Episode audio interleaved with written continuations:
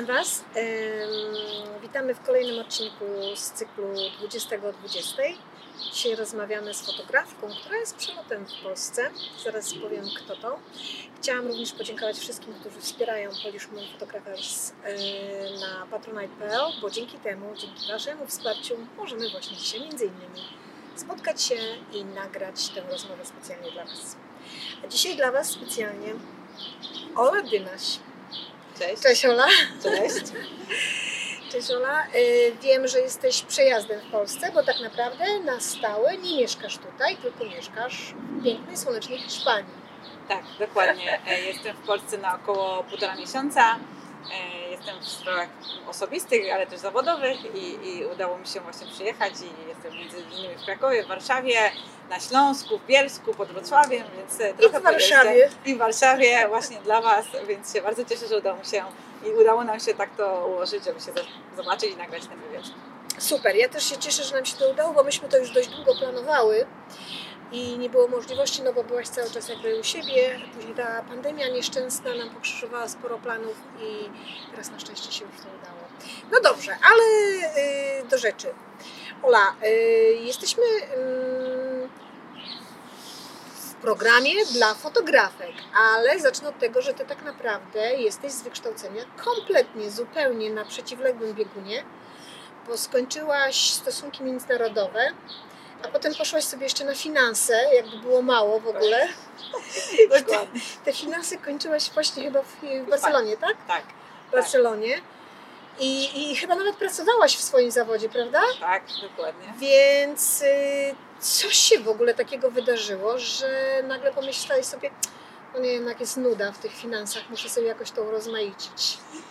No rzeczywiście finanse i fotografia to takie dosyć odrębne kierunki. Tylko literki ich łączą, FF. Dokładnie, tak, zdecydowanie to jest jedyne, co je łączą. Chociaż e, będąc fotografem i fotografem freelance, trzeba być bardzo dobrym ekonomistem tak. i przedsiębiorcą, więc Tak. e, to się gdzieś i tak łączy cały czas. Ale to było tak, że po prostu ja zaczęłam studiować te stosunki, ponieważ e, no, no wiadomo, jak w, w moim roczniku wszyscy szli właśnie albo na ekonomię, na jakąś tam administrację, albo właśnie na stosunki. One po prostu były w modzie. I, I nie mając lepszego pomysłu na, na to, co będę studiowała, to zaczęłam studiować stosunki we Wrocławiu. I, I w ogóle nie żałuję, że tam poszłam do Wrocławia, że studiowałam te stosunki, bo, bo to jest bardzo fajny czas. Y, Ale potem y, zdecydowałam, że jednak y, pojadę do Hiszpanii, tam będę jak gdyby zrobić takiego magistra hiszpańskiego i, i zaczęłam studiować te finanse, bo miałam nadzieję po prostu, że to potem będzie dobra praca. Czyli ustalmy, pojechałaś do Hiszpanii, żeby z, y, zrobić właśnie studia, a nie, że pojechałaś do Hiszpanii i tam wpadłaś na pomysł, żeby zrobić studia. Y, Właściwie jeszcze inaczej. O. Pojechałam do Hiszpanii uczyć się hiszpańskiego, potem Aha. poznałam chłopaka, a później stwierdziłam, że będę tam studiować. Więc jak to wiele historii, wydłużona droga, ale właściwie Tak. wszystko wokół jednego, no tak, miłość Tak, cię tam wszystko- zaprowadziła. no to jest taka, wydaje mi się, historia, której bardzo wiele osób y, wyjeżdżając do jakiegoś kraju, tak się właśnie zaczyna, więc Czy to był przystojny chłopaka. Bardzo przystojny. Okej. bardzo przystojny, ale no niestety to była przeszłość, więc to był chłopak. Ale już ponieważ studiowałam wtedy te finanse w Hiszpanii, no to już tam zostałam. No Mhm. bo mm, jednak jesteś tam, e, potem szukasz pracy w Barcelona, gdzie mieszkam. To jest też dosyć, fajne miasto do mieszkania dla osoby młodej, tam dużo się dzieje, jest dużo eventów. Mhm. Więc e, no, raczej ta wizja powrotu do Polski no, nie była taką najlepszą opcją. I wtedy po prostu już zostałam. A dlaczego przyszłam do fotografii? Ponieważ pracując, rzeczywiście ja pracowałam w firmie, która zajmowała się w ogóle jakąś optyką, e, tam powiedzmy w tym dziale finansowym, mm, brakowało mi takiej kreatywności w życiu. Mhm. Ja jestem jednak osobą, która bardzo dużo podróżuje, która osoba, która uwielbia kontakty z ludźmi, która uwielbia robić mnóstwo rzeczy, różnych rzeczy, poznawać. Jestem bardzo ciekawa świata, więc e, siedzenie nad tym Excelem no nie, po prostu Nie do końca było... spełniało cię. Dokładnie. Nie było to, co, co no rzeczywiście chodziło o tej pracy, ale to było tak trochę takie wymuszone, że, że kolejny dzień ja rzeczywiście nie robię nawet, ani się nie zbliżam do tego, do, co rzeczywiście chciałam w życiu robić. E, I tak właściwie to jest w przypadku, ponieważ fotografia zawsze gdzieś mi się podobała, chociaż e, zawsze słyszałam, że ja nigdy na pewno nie będę fotografem, bo e, na każdym zdjęciu, jakie robiłam, jak byłam młodsza ze szkoły czy koleżanką, miałam palec na środku kadru, bo oczywiście źle ustawiałam go. Więc wszyscy mówili, jak tak można w ogóle robić zdjęcia, więc jak powiedziałam, że właśnie zacznę się uczyć fotografii, to wszyscy do mnie patrzyli, jak co ty w ogóle za fotografujesz, co to za pomysł w ogóle. Ale e, rzeczywiście, tak, tak zaczęłam e, i, i po prostu to było, wynikało A gdzie, gdzie, podjęłaś jakieś, nie wiem, studium, czy, czy studia fotograficzne, co to było? Mhm. Znaczy na początku kupiłam aparat, zaczęło się tak, że kupiłam aparat taki e, z, oczywiście używany, żeby Mhm. po prostu był jakikolwiek, jakakolwiek lustrzanka i kupiłam mojego pierwszego Canona e, 60D. Od tego zaczynałam, e, za jakieś takie śmieszne pieniądze. I na początku czułam się sama, no bo, bo jednak trzeba dojść do tego, co to jest ta przysłona, Mhm, żeby te zdjęcia nie były albo za ciemne, albo za jasne, a takie były na początku właśnie, że nic za nich nie było widać. E, a później em, też jakoś tak, wydaje mi się, że to nawet tak trochę z in, intuicji chyba, poszłam na takie zajęcia, w Hiszpanii jest bardzo dużo takich domów, takich domów kultury, ja to nazwała i w tych domach kultury po prostu za bardzo małe pieniądze są organizowane zajęcia z fotografii, z malarstwa, Takie sportowe. workshopy. Takie workshopy, tylko że one są dosyć długie, bo one są takie trzymiesięczne mniej więcej, więc naprawdę za jakieś 80 czy Mhm. I to są 70 systematyczne zajęcia, jakoś tak, że w tygodniu, czy co weekend Tak, na przykład? To jest normalnie w tygodniu. o, to jest, e, taka przykład- szkoła prawie. No taka szkoła, tylko to jest bardzo tanie Mhm. i te zajęcia, no powiedzmy są takie no dobrowolne, to nie, tam nie dostajesz jakiś tam dyplom z tego, ale to jest powiedzmy takie, żeby dla osób, które gdzieś pracują i coś chcą robić po hobby powiedzmy jakieś swoje mają. I ja się zapisałam i e, oprócz tego, że kiedyś tam zrobiłam właśnie u mojego znajomego taki basic kurs, czy taki podstawowa fotografia przez w ciągu jednego dnia, to pierwszy kurs, na jaki się w ogóle zapisałam, e, nie wiedząc za dużo o fotografii, to była właśnie fotografia reportażowa, i, czy tak zwany photojournalism i, i dokument. To było w ogóle, od czego w ogóle zaczęłam. E, I, I jakoś już do teraz zostało jednak. Ten dokument cały czas ze mną idzie, ten reportaż, e, to jest to, co najbardziej mi się podoba w Mhm. fotografii. No i jak im głębiej w to wchodziłam, tym bardziej mi się to podobało i tym bardziej chciałam robić te zdjęcia i, i widziałam, że to jest coś, co rzeczywiście chciałabym robić przez jakiś tam No i teraz czas. poczekaj, no i sięgnęłaś już, zrobiłaś sobie to, to, to, to, to, ten workshop, ten, to szkolenie. Tak. Już jakby trochę Cię pociągnęło w tym kierunku fotograficznym i zwłaszcza fotoreportażu. I co, od razu tak rzuciłaś pracę, czy to jeszcze łączyłaś jakoś? Nie, oczywiście, no nie ma, jednak trzeba z czegoś żyć. No właśnie, czyli jesteś realistką, ekonomistką. Tak, tak, ja jestem osobą, oso, osobą patrzącą bardzo pozytywnie na, na świat i na życie, jednak no, trzeba być realistą trochę, trzeba tak, płacić tak. rachunki, trzeba jeść i, i jednak z fotografii, będąc takim początkującym fotografem, ciężko No oczywiście, gdzieś tak, się jasne. wbić e, i, i zarabiać na tym. Mm, Chociaż ja robiłam po, później po jakimś tam kolejnych kursach, bo ja zrobiłam potem kurs fotografii podróżniczej, portretu, e, zrobiłam I to taki cały czas wszystko jeszcze w Hiszpanii? cały, ja, ja cały czas studiowałam. Ja nigdy e, nie uczyłam się fotografii w Polsce. Ja zawsze, No się, zawsze się uczyłam fotografii w Hiszpanii, jeszcze w Barcelonie, która jak się już później w ogóle dowiedziałam, Barcelona czy nawet Hiszpania to jest taki ośrodek, powiedzmy taki kraj, gdzie jednak ta fotografia reportażowa, właśnie ten taki e, prasowa fotografia, ona jest bardzo silna. I jest bardzo dużo Hiszpanów i tam jest mnóstwo takich, e, takich organizacji, kolektywów, którzy właśnie e, Specjalizują się w specjalizują tym. się w fotografii Mhm. reportażowej. I to jest takie naprawdę bardzo, bardzo silne, więc, więc ja tam by, było mi bardzo łatwo znaleźć e, miejsca, kursy, Wydarzenia, wydarzenia eventy. które są właśnie związane Mhm, z reportażem. mhm, mhm. I to było właśnie dla mnie super, no bo chcąc się tego uczyć, właśnie to było miejsce, gdzie właśnie powinnam być. Mm, e, Więc, więc później nie, oczywiście pracowałam, e, jak się uczyłam fotografii, to pracowałam, pracowałam właśnie w banku, pracowałam e, w inkubatorze startupów, no, pracowałam w Zarze, ja naprawdę bardzo dużo rzeczy, rzeczy Czyli nie robiłam. było, nie, nie, nie było to dla Ciebie niczym jakimś, nie wiem, głupio to zabrzmi ujmującym, ale łączyłaś to, że tu, dobra, tutaj idę do pracy, bo muszę zarobić na rachunki, a spełniam się y, zupełnie w innym momencie, w zupełnie innej przestrzeni, czyli na przykład fotografii. Tak. I tak sobie to postawiłaś jasno i wyraźnie i tak to realizowałaś. Tak, dokładnie tak to wyglądało. Ja chodziłam na, chyba byłam na wszystkich manifestacjach i protestach, jakie były w Barcelonie, bo ja uwielbiałam to robić. Dla mnie to jest najlepsza sztuka fotografii, e, do, no może nie dokładnie, takie prasowo reporta- takiej, takiej, takiego reportażu powiedzmy ulicznego, bo po prostu na takiej manifestacji czy, czy proteście po prostu musisz bardzo szybko reagować, te zdjęcia muszą być dobre, bo chociaż ich gdzieś nie wysyłałam nigdzie, to jednak no, dla siebie chciałam, żeby te zdjęcia były, dobre. Mhm. E, Więc to jest dla mnie najlepsza szkoła. Ja chodziłam na wszystko, co było możliwe, wpychałam się gdzie tylko się da, e, wchodziłam na lampy, na posągi, gdzie tylko można było dobre, dostać e, jakieś Dobre dobre, dobre zdjęcie. E, W Hiszpanii jednak nie było tak dużo kobiet. Znaczy są kobiety fotografki, jednak w reportażu takim ulicznym, czy tej takiej prasowej Jest bardziej mężczyzn. jest głównie mężczyźni, więc ja gdzieś tam się zawsze przeciskałam, oczywiście z łokcia dostawałam czasami, ale gdzieś tam się przyciskałam, żeby zdobyć to zdjęcie też, też chciałam mieć takie zdjęcie i na tym się głównie uczyłam, na takiej, takiej praktycznej A fotografii. powiedz mi, jak zaczęłaś tą edukację fotograficzną e, w Hiszpanii, czy w, podczas tej, tej, tej Twojej drogi edukacyjnej Ty spotkałaś jakąś, jaką- jakąś mentorkę, mentora, który Cię, no bo wiesz, każdy jak zaczyna robić fotografię, no chciałby też dostać jakiś feedback. Okej, dobrze myślę, dobrze robię, w dobrym kierunku, więc y, to jednak każdy z nas szuka, czy, czy review jakieś robi, czy, czy idzie na jakieś konsultacje. Jak to było w Twoim przypadku? Czy miałaś kogoś takiego prowadzącego, czy po prostu raczej zaufałaś swojej intuicji i sobie?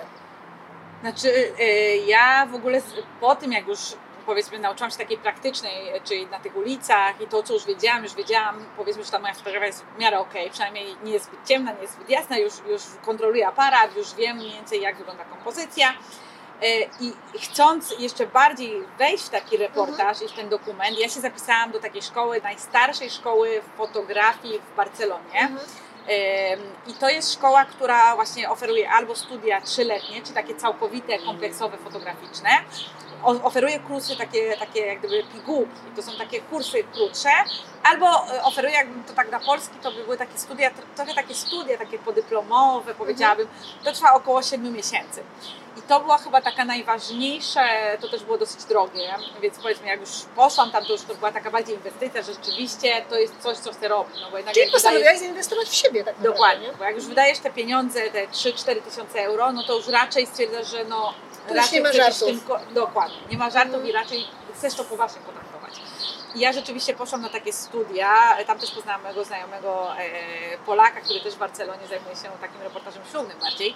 I ja wtedy przez te 7 miesięcy rzeczywiście tam się już uczyłam tej fotografii. No i tam rzeczywiście profesorem był e, taki e, mm, powiedzmy fotograf e, z gazety, który Mhm. na co dzień też pracuje w gazecie, e, takiej katalońskiej, bardzo katalońskiej, ale mimo wszystko to jest praktykujący fotograf. Do tego mieliśmy bardzo dużo spotkań z fotografami, którzy mają takie dużo fot- z, fotografami, którzy wygrali WordPress Photo, e, z fotografami, którzy są bardzo wysoko gdzieś tam w tej Hiszpanii, czy nawet na świecie w jakiejś tak pozycji. E, I, I oni gdzieś tam powiedzmy no, pokazywali mi, ja też się bardzo dużo uczyłam na takich przykładach, ja bardzo dużo oglądałam fotografii.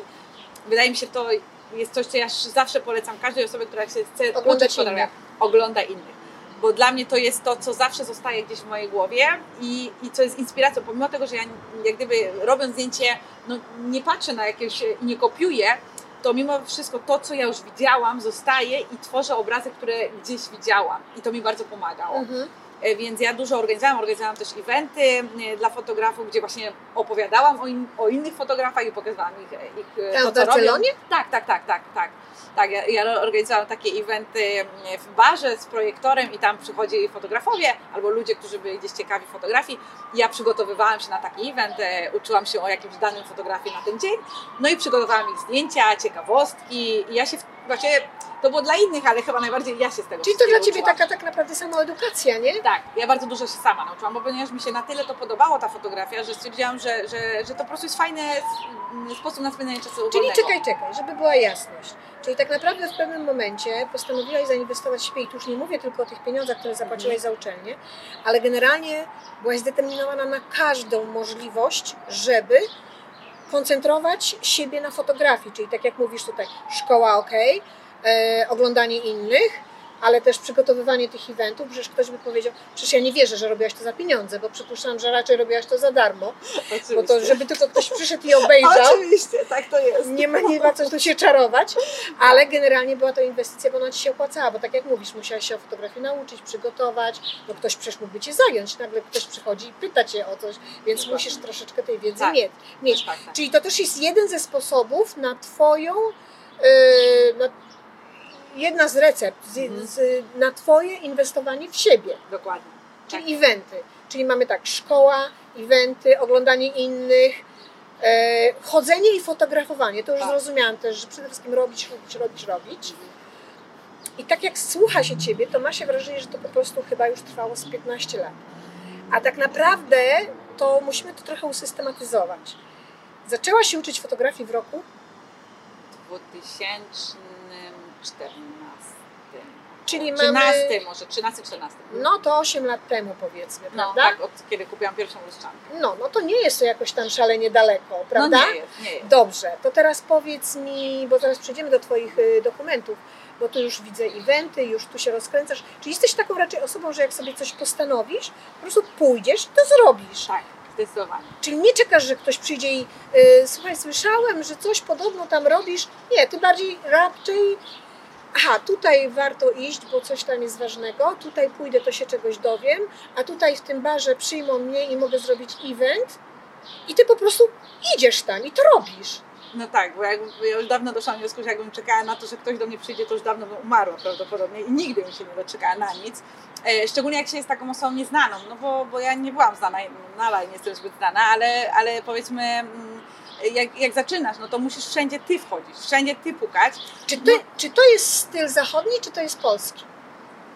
Nie wiem, to jest ciężkie Wiesz co, pytanie, bo czy y, rozmawiam o tym z Mój, dość- to jest mój styl, y, ale... No ale właśnie, ale ty już jesteś zachodnia tak naprawdę. Czy ja wiem. Wiesz co, mam wrażenie, pytam Cię o to, bo mam wrażenie, że chyba w środowisku, w którym się żyje, tak jak wiesz, no, e, znamy Barcelonę mniej więcej, wiemy, że tam się naprawdę bardzo dużo dzieje, że to jest, no, to jest otwarta na świat i w ogóle mam wrażenie też, że ludzie tam są bardziej pewni siebie, w sensie swoich jakichś takich celów sobie postawionych i tak dalej. Bo do czego zmierzam? Bo wiesz, jak ktoś tak posłucha Ciebie, no w Polsce raczej to jest tak, że a, to ja tu taka myszka, to ja tu 20 lat robię zdjęcia, ale wiesz, ja to tak naprawdę nie jestem fotografem, ja tylko sobie tak robię te zdjęcia. A tu słyszę dziewczynę, która 8 lat temu zaczęła i po prostu tak, robię zdjęcia, robię fotoreportaż, robię eventy, robię projekcje i koniec. Nikt mi tu nie będzie gadał, że ja sobie tam sobie jakieś tam zdjęcia robię. Czy był taki moment, czy pamiętasz taki moment w swoim życiu, że powiedziałaś, dobra Oka, przestań siedzieć tutaj marudzić i czekać, aż ktoś cię znajdzie, bierz w dupę w troki, że tak powiem, i idź i załatwiaj. I co, i wziąłeś gazetę i szukałaś, aha, coś mogę iść, tutaj mogę iść, tutaj jest jakaś. Jak to było? Praktycznie. Znaczy, praktycznie, no. Ciężko mi jest powiedzieć, bo, bo nigdy nie było takiego momentu, że ja bym powiedziała, dobra, muszę robić, bo to jest coś, co wychodzi z, ode mnie, z, odkąd ja byłam mała. Ja zostałam, ja też mam taki charakter, więc to, tak jak właśnie niektórzy się pytają, jak tego, jak to zrobić, czy ja nie umiem wytłumaczyć e, czasami, jak to zrobić, bo to wychodzi z tego, jak zostałam wychowana, jak wyglądało moje życie wcześniej, jacy są byli moi rodzice, jakie miałam otoczenie, jakie inne doświadczenia miałam, bo to wychodzi wszystko. Ja zawsze byłam zdeterminowana, jak chcę pojedzie, ja, ja podróżuję samotnie, odkąd miałam 16 lat. E, Pierwszy raz na obozie sama byłam, jak miałam 6 lat, bo moi rodzice stwierdzili, że warto mnie na 3 tygodnie wy, wysłać na obóz, bo czemu nie? Więc ja od zawsze miałam taką jakąś taką poczucie, że no trzeba iść Ale to zrobić. znaczy, że rodzice też cię nie hamowali. Raczej Tak, nie. popychali cię, Tak, nie? tak. Moi rodzice, że, moi rodzice ogólnie zawsze tacy byli, że, że oni nie chcą, żebym ja wyjeżdżała, żeby najpierw długo jakbym siedziała w domu, ale z drugiej strony mieli tą, tą taką e, właśnie część gdzieś tam ukrytą, że jednak, no ale ona by siedziała, to nic nie osiągnie, no to trzeba ją popchnąć, chociaż nie chcieli. No to jest to- bardzo ważne, co mówisz. I to wiesz. głównie moja mama, znaczy mój tata też, ale bo mój tata raczej się godził, mm, tak powiedzmy, znaczy nie ma nic przeciwko, mój tata też mnie zawsze wypychał, że o- ja też od, od dziecka dużo podróżowałam, więc to po prostu wszystko, to nie jest tak, że ja mieszkałam w jakimś domu czy w jakiejś rodzinie i nagle po prostu zmienia się moje życie. To, ca, to po prostu cały proces, to nie? jest cały proces, więc ja zawsze byłam taka, że jak mi się coś podoba, to do tego dążę. Ale wiesz, to znaczy też, jak o tym rozmawiamy, że to taki sygnał dla innych fotografek, które nas słuchają, że jeżeli widzisz w sobie jakieś predyspozycje, to nie wstydź się ich, wyciągnij je na wierzch po prostu i wykorzystaj. Czyli, bo wiesz, jak Ciebie też słucham tutaj, to, e, to, to wiesz, to jest moim zdaniem bardzo dobra szkoła, że już tak jak powiedziałeś o tych eventach, Przecież nie zrobiła na mnie wrażenia szkoła, którą sobie zapłaciłaś, a bardziej zrobiło na mnie to, że ty się siedziałaś, przygotowałaś i w ten sposób weszłaś w środowisko fotograficzne i w tematy fotograficzne po prostu. Tak. Bo mimo wszystko edukowałaś się, Tak, prawda? tak, tak, tak, Czyli tak. każdy ze sposobów jest dobry i to nie musi być koniecznie drogi sposób. W sensie, bo często słyszymy, albo ja nie mam możliwości, albo mnie nie stać, albo coś tam. A tu właśnie proszę bardzo, taka prosta decyzja. A jak jest na przykład z festiwalami? Czy ty, no teraz już może cię zapraszają, ale kiedyś był ten pierwszy raz, że pomyślałaś sobie, a jakbym tak pojechała na festiwal i po, poopowiadała o tym, co robię, jak to było? Znaczy ja na festiwale w ogóle jeszcze od niedawna, bo od zeszłego roku dopiero, więc ja dla mnie to też jest nowe y, doświadczenie.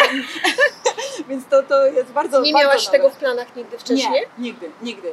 I właśnie jest to takie e, śmieszne, bo ja podróżuję naprawdę od bardzo wielu lat samotnie. Nawet kiedy jeszcze nie było Instagrama, kiedy nie były modne Insta podróże i, i Instagramerki, które podróżują, to ja już podróżowałam sama, e, tylko po prostu tego nie nagrywałam. I, i dopiero w zeszłym roku, znaczy to ktoś mi podpowiedział, że a wiesz co, no może jedź na, na bo ty fajnie opowiadasz, masz dużo tych przygód, e, może pojedziesz na taki festiwal. No i tak zaczęłam się zgłaszać na festiwale tutaj w Polsce głównie. Dobra, i teraz praktyka. Zgłaszać. Co to znaczy zgłaszać? Czyli co, wyszukiwałaś sobie festiwale Tak. i myślałaś, aha, tu mogłabym. Tak. I pisałaś do tych organizatorów, że masz taki taki temat, że możesz pokazać zdjęcia i poopowiadać o tym. tak? Dokładnie, tak. To było, zrobiłam listę w Excelu, jakie festiwale są w Polsce. Znalazłam ich dosyć dużo. Słuchajcie, Ich jest około, naprawdę jest, jest 50, może takich mniej, znaczy festiwale, wydarzenia takie podróżnicze, targi podróżnicze, ich naprawdę jest dużo w Polsce. W Hiszpanii jest o wiele mniej. Y, I ja po prostu zaczęłam pisać. I to było w zeszłym roku w pandemii. Y, Więc rzeczywiście to w ogóle tak, no ale czemu ale nie? to szybko efekt przyniosło, nie? E, tak, bo ja się do dużo, na, na wiele festiwali się dostałam, e, bo jednak ludzie, na, oczywiście na część mi nie odpisali albo stwierdzili, że, że nie, ale, no ale jak to Czy to wiadomo, są zawsze trzeba być... udziały, czy w większości na E, początku różnie. nie? Są, czę- część jest niepłatne, po prostu płacą na przykład ci za, prze, za jakiś tam dojazd, Mhm. na nocleg. Często jest tak właśnie, że masz nocleg, jeżeli to jest parę dni. Ale rozumiem, że to też był Twój następny pomysł na inwestowanie w siebie. Oczywiście, Bo oczywiście. to jest dalszy rozwój, tak, prawda? Tak, inwestowanie w siebie uważam, to jest najlepsza inwestycja, jaką można w życiu zrobić. E, I, I tak właśnie zaczęłam jeździć na te festiwale. Byłam na paru, no bo wiadomo, pa- pandemia, ale też byłam na festiwalu online, więc, więc w Hiszpanii robiłam festiwal też. No i teraz byłam na festiwalu, e, właśnie aplikowałam na inny festiwal, ale tam mnie jak gdyby nie przyjęli, powiedzieli, że no już mają Komplet. komplet.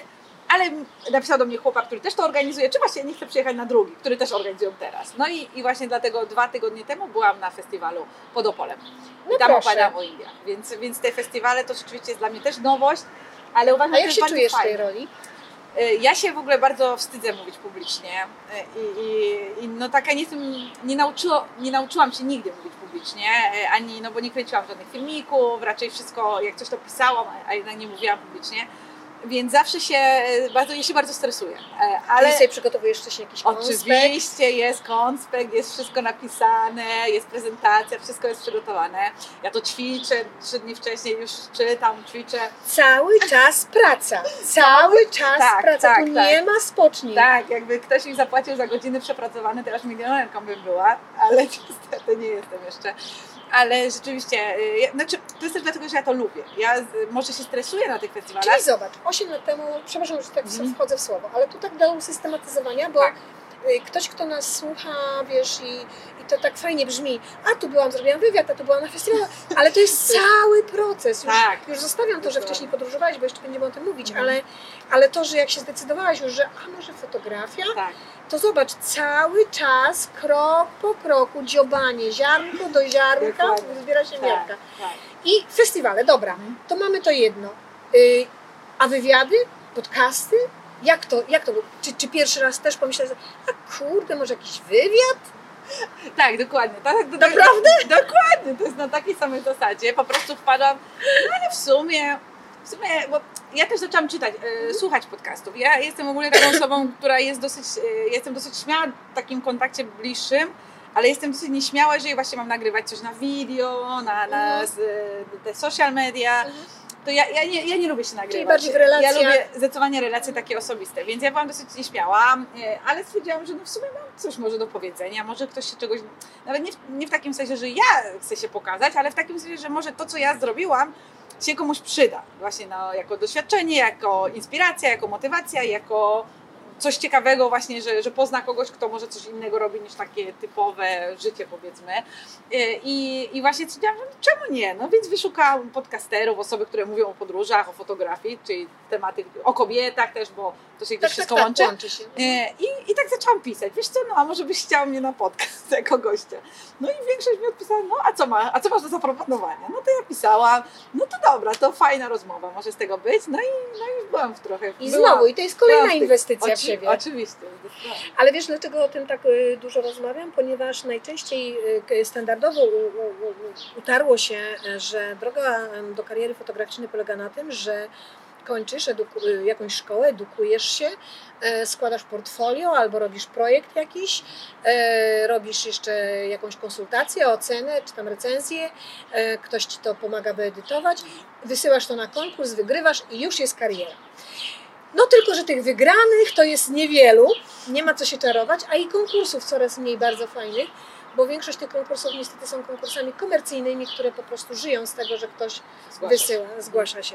Więc to jest tak, mówię o tym, bo jest mnóstwo kobiet fotografek, które na co dzień pracują w zupełnie innych zawodach, bo tak jak mówisz, no, są realistkami i mają zobowiązania, ale chciałyby też gdzieś jakby rozwijać się w tej fotografii z takim trochę marzeniem, że może kiedyś będzie można się w ogóle tylko na to przerzucić.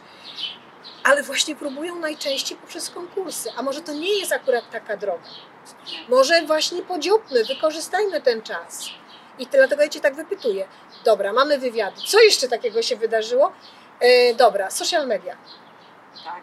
No, bo wiem, że działasz e, Działam, na social media. działam, działam. Z bólem, E, ale działam. Z bólem, wiem, ale to też chyba był taki moment, że sobie powiedziałaś, no dobra, to nie lubię, ale muszę, bo to jakby przynosi efekt i zawsze jest jakiś feedback, jakikolwiek, ale jakiś feedback z Tak. tego może być. Mhm. Więc jak się do tego zabrałaś? W którym momencie? Mówmy o Instagramie, bo chyba to najbardziej popularny jest, Tak, nie? znaczy u mnie chyba najbardziej, jakoś tak najbardziej mi to wszystko idzie. No to jest bardziej chyba najbardziej zdjęciowy, Jest mi po prostu tam łatwiej Mhm. być.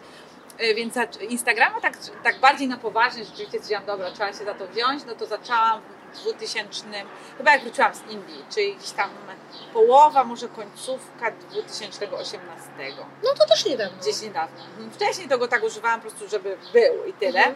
Ale rzeczywiście zobaczyłam, że możesz, trzeba by się do tego przyłożyć, jeżeli nawet to mi nie przyniesie gdzieś tam jakichś zysków, to przynajmniej osoba, która mnie chce zobaczyć, co ja robię i wejdzie, No to to przynajmniej zobaczę coś profesjonalnego. coś tam będzie. Ale no dobrze, y, zabrać się za to, czyli co? Zaczęłaś czytać, jak, jak wykorzystać Instagram, jak, jakie są, nie wiem, algorytmy jakieś, no jak to wyglądało w Twoim życiu? No bo to nie jest tylko kwestia, że dobra, założę konto i będę wrzucać zdjęcia, Mhm. prawda? Moim zdaniem to chyba nie jest to wszystko. Że, no właśnie. Nie, nie, zdecydowanie praca nad tymi e, sieciami społecznościowymi to jest praca na 8 godzin dziennie albo i 10 czasami, więc jest to bardzo dużo pracy. Ja nie wiedziałam, że tak dużo trzeba pracy w to włożyć, żeby w ogóle coś tam takiego konkretnego było, żeby coś przekazać, żeby ci ludzie chcieli Cię oglądać i, i komentować. Naprawdę trzeba, trzeba być tam non-stop.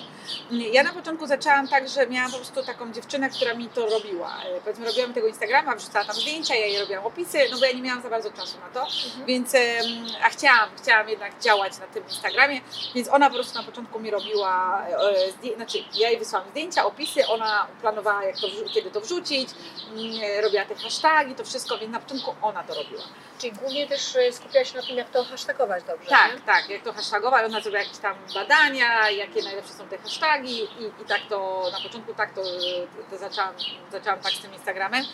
Ale później no, stwierdziłam, że właściwie mogę to zrobić sama. No bo i tak wykonujesz połowę roboty, I no tak bo dajesz siedzę, zdjęcia, dajesz tak, opisy. Dokładnie, więc właśnie i tak, y, a tak to będę mogła do tych ludzi zagadać, może te, te Instastory Tak, tak, by tak, tak. porobić.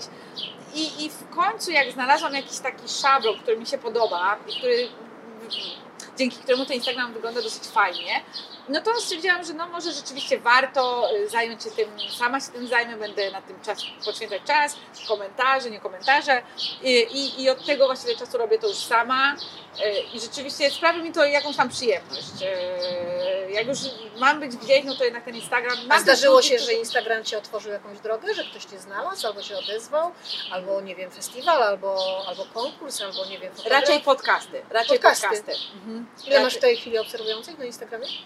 5,5 tysiąca. A zaczynałaś z jaką pulą?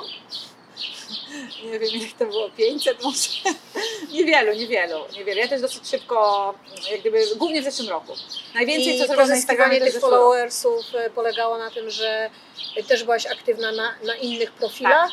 No Tak. właśnie, bo o tym bardzo często zapominamy, Tak. prawda? A to jednak to, ten czas, o którym mówisz, to nie tylko to przygotowanie, obróbka zdjęcia, tekstu, ale generalnie bycie w interakcji z innymi. Tak, Bo jeżeli ty nie zaglądasz, to ciebie też nie mnie zajmie. za, dokładnie. Polecanie, żeby ktoś Cię polecał, Ty kogoś. Tak. To są, no wszystko chodzi o relacje jednak, no to zawsze chodzi o relacje. Ale to chyba się zgodzę tutaj z Tobą, że to chyba Instagram bardziej, bo Facebook już trochę się rządzi innymi prawami moim zdaniem. Tak. Facebook jest chyba bardziej nie wiem, może mnie poprawisz, ale wydaje mi się do, do, do zaznaczenia miejsca, terenu, ale generalnie on tam nie jest już tak aktywny jak y, Facebook to jest trochę taka strona moim zdaniem, tylko w social mediach, Mhm. nie? Bo Instagram jest bardzo taki, no dużo fotografii jest Wydaje mi się, że jest dużo interakcji na Instagramie. Ludzie Mhm. bardzo komentują na przykład na Facebooku, jednak jak jest jakiś post taki kontrowersyjny, to jednak tych komentarzy jest mnóstwo. No tak, ale to muszą być posty wtedy, Ale to nie? są posty i też wydaje mi się, że te konta takie duże, no to są duże i będą duże. A te mniejsze konta, wydaje mi się, że teraz przebić się, kiedyś przebić się na Facebooku było łatwiej. Chociaż wydawało nam się trudno, ale było łatwiej.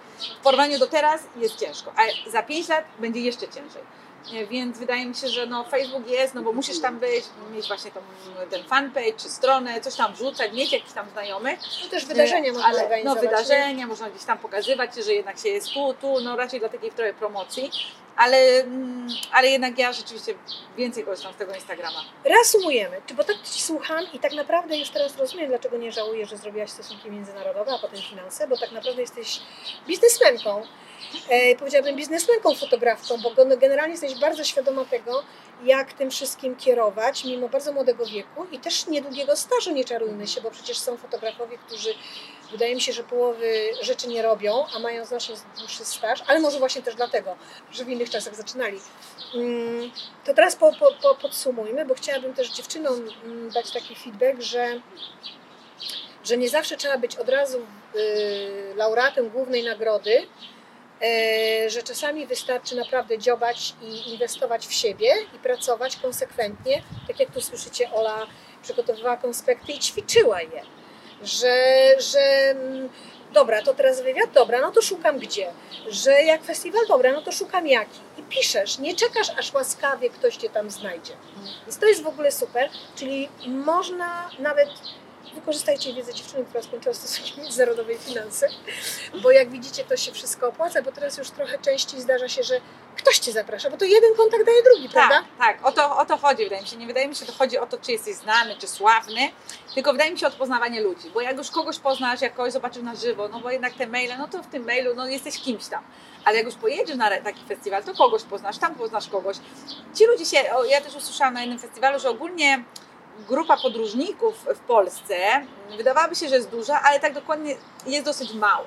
No bo, ale mówię już o takich podróżnikach, ludziach, którzy podróżują oczywiście no, z plecakami, na dłuższe wyprawy, no tak, tak rzeczywiście Mhm. bardziej na poważnie, a nie to, że gdzieś tam instagramowo właśnie, jak jest dużo Mhm. takich instagramerów, rek głównie chyba, e, to wydaje mi się, że jest to dosyć mała grupa, więc ja już chyba na trzech festiwalach widziałam te same osoby, nie wszystkie, ale niektóre, więc wydaje mi się, że jest dosyć taka e, niezbyt duża grupa. Ale więc, to też jest fajne, bo wystąpisz na takim festiwalu i nigdy nie masz gwarancji, może akurat ktoś właśnie Cię ogląda, co też robi Dokładnie. festiwal, albo zna kogoś, kto robi festiwal. Dokładnie.